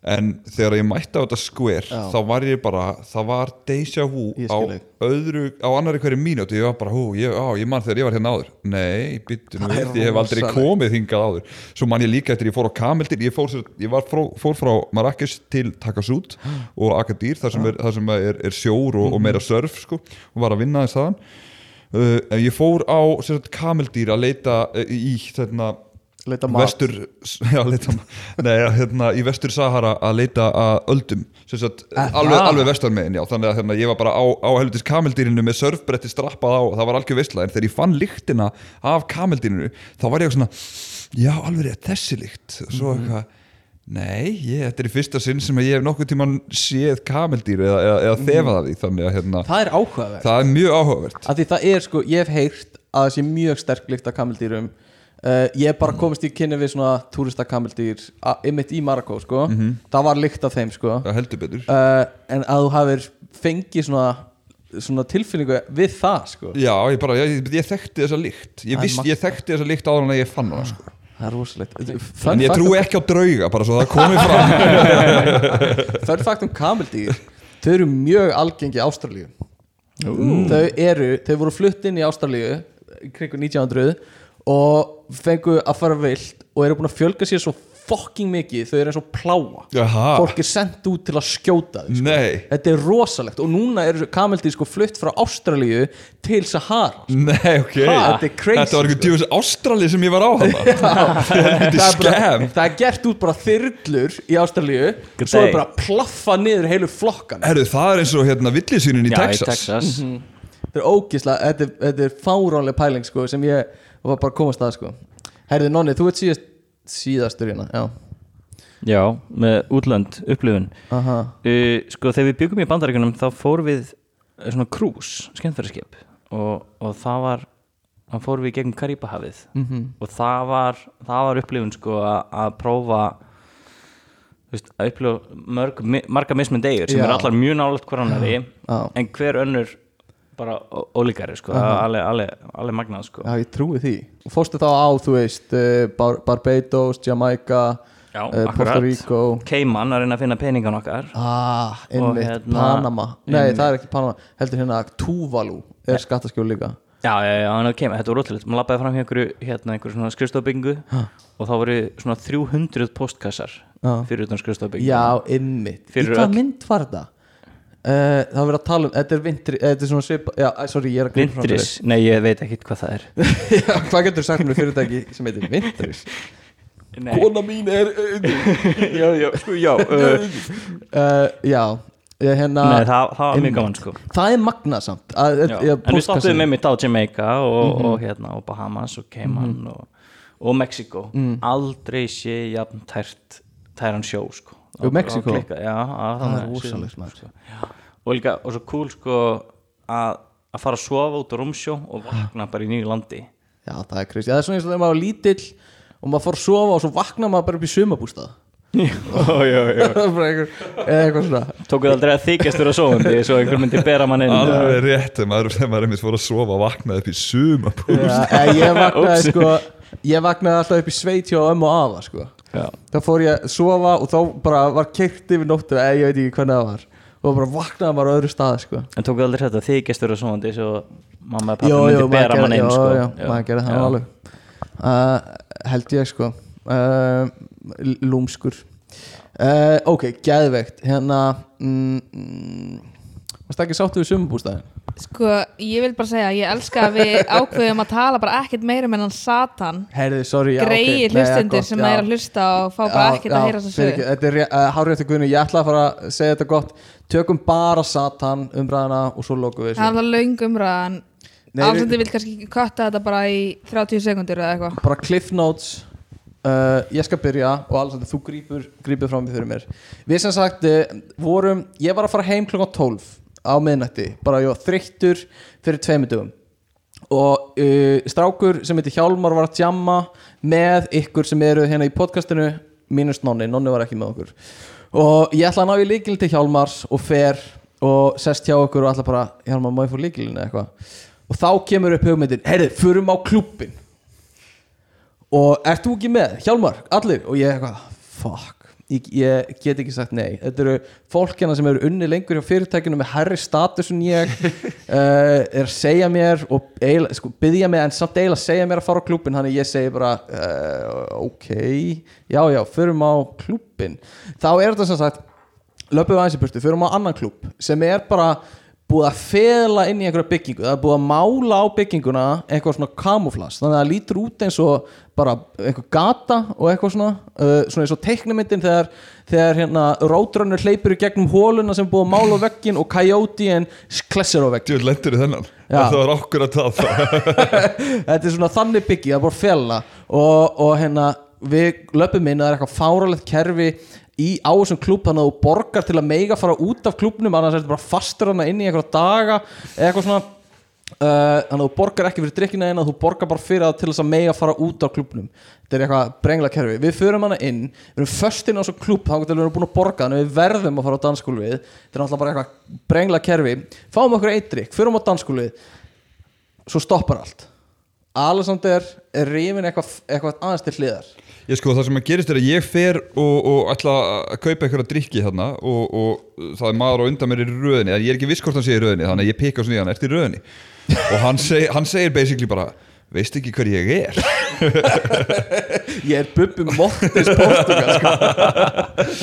Nei og þá segir hann mér sko, já, nei ég á þennan stað og ég eitthvað, ok, geggja skilur þá ætlum ég bara að vingast við þig og, og þú kaupir drikkina Já, skilur já, sem er það sem að gerðist. Einmitt.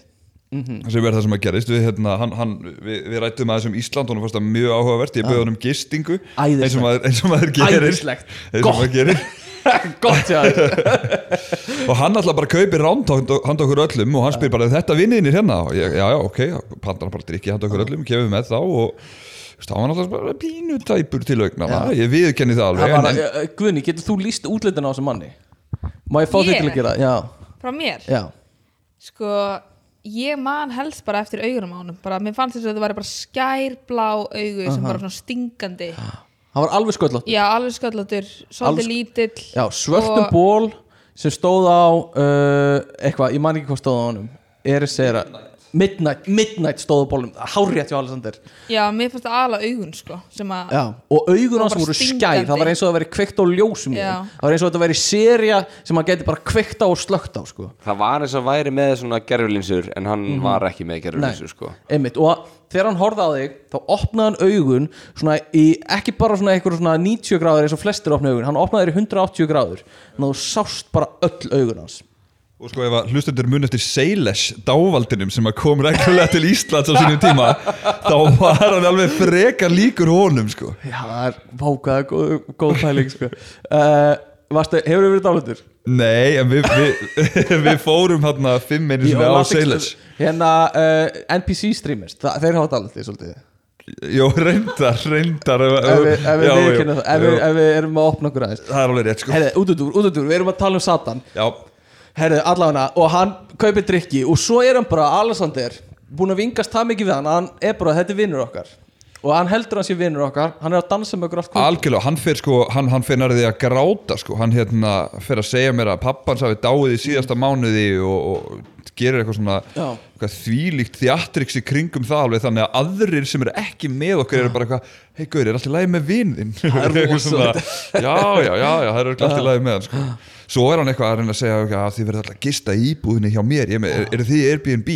Ói, ói, komið í húsi til mín.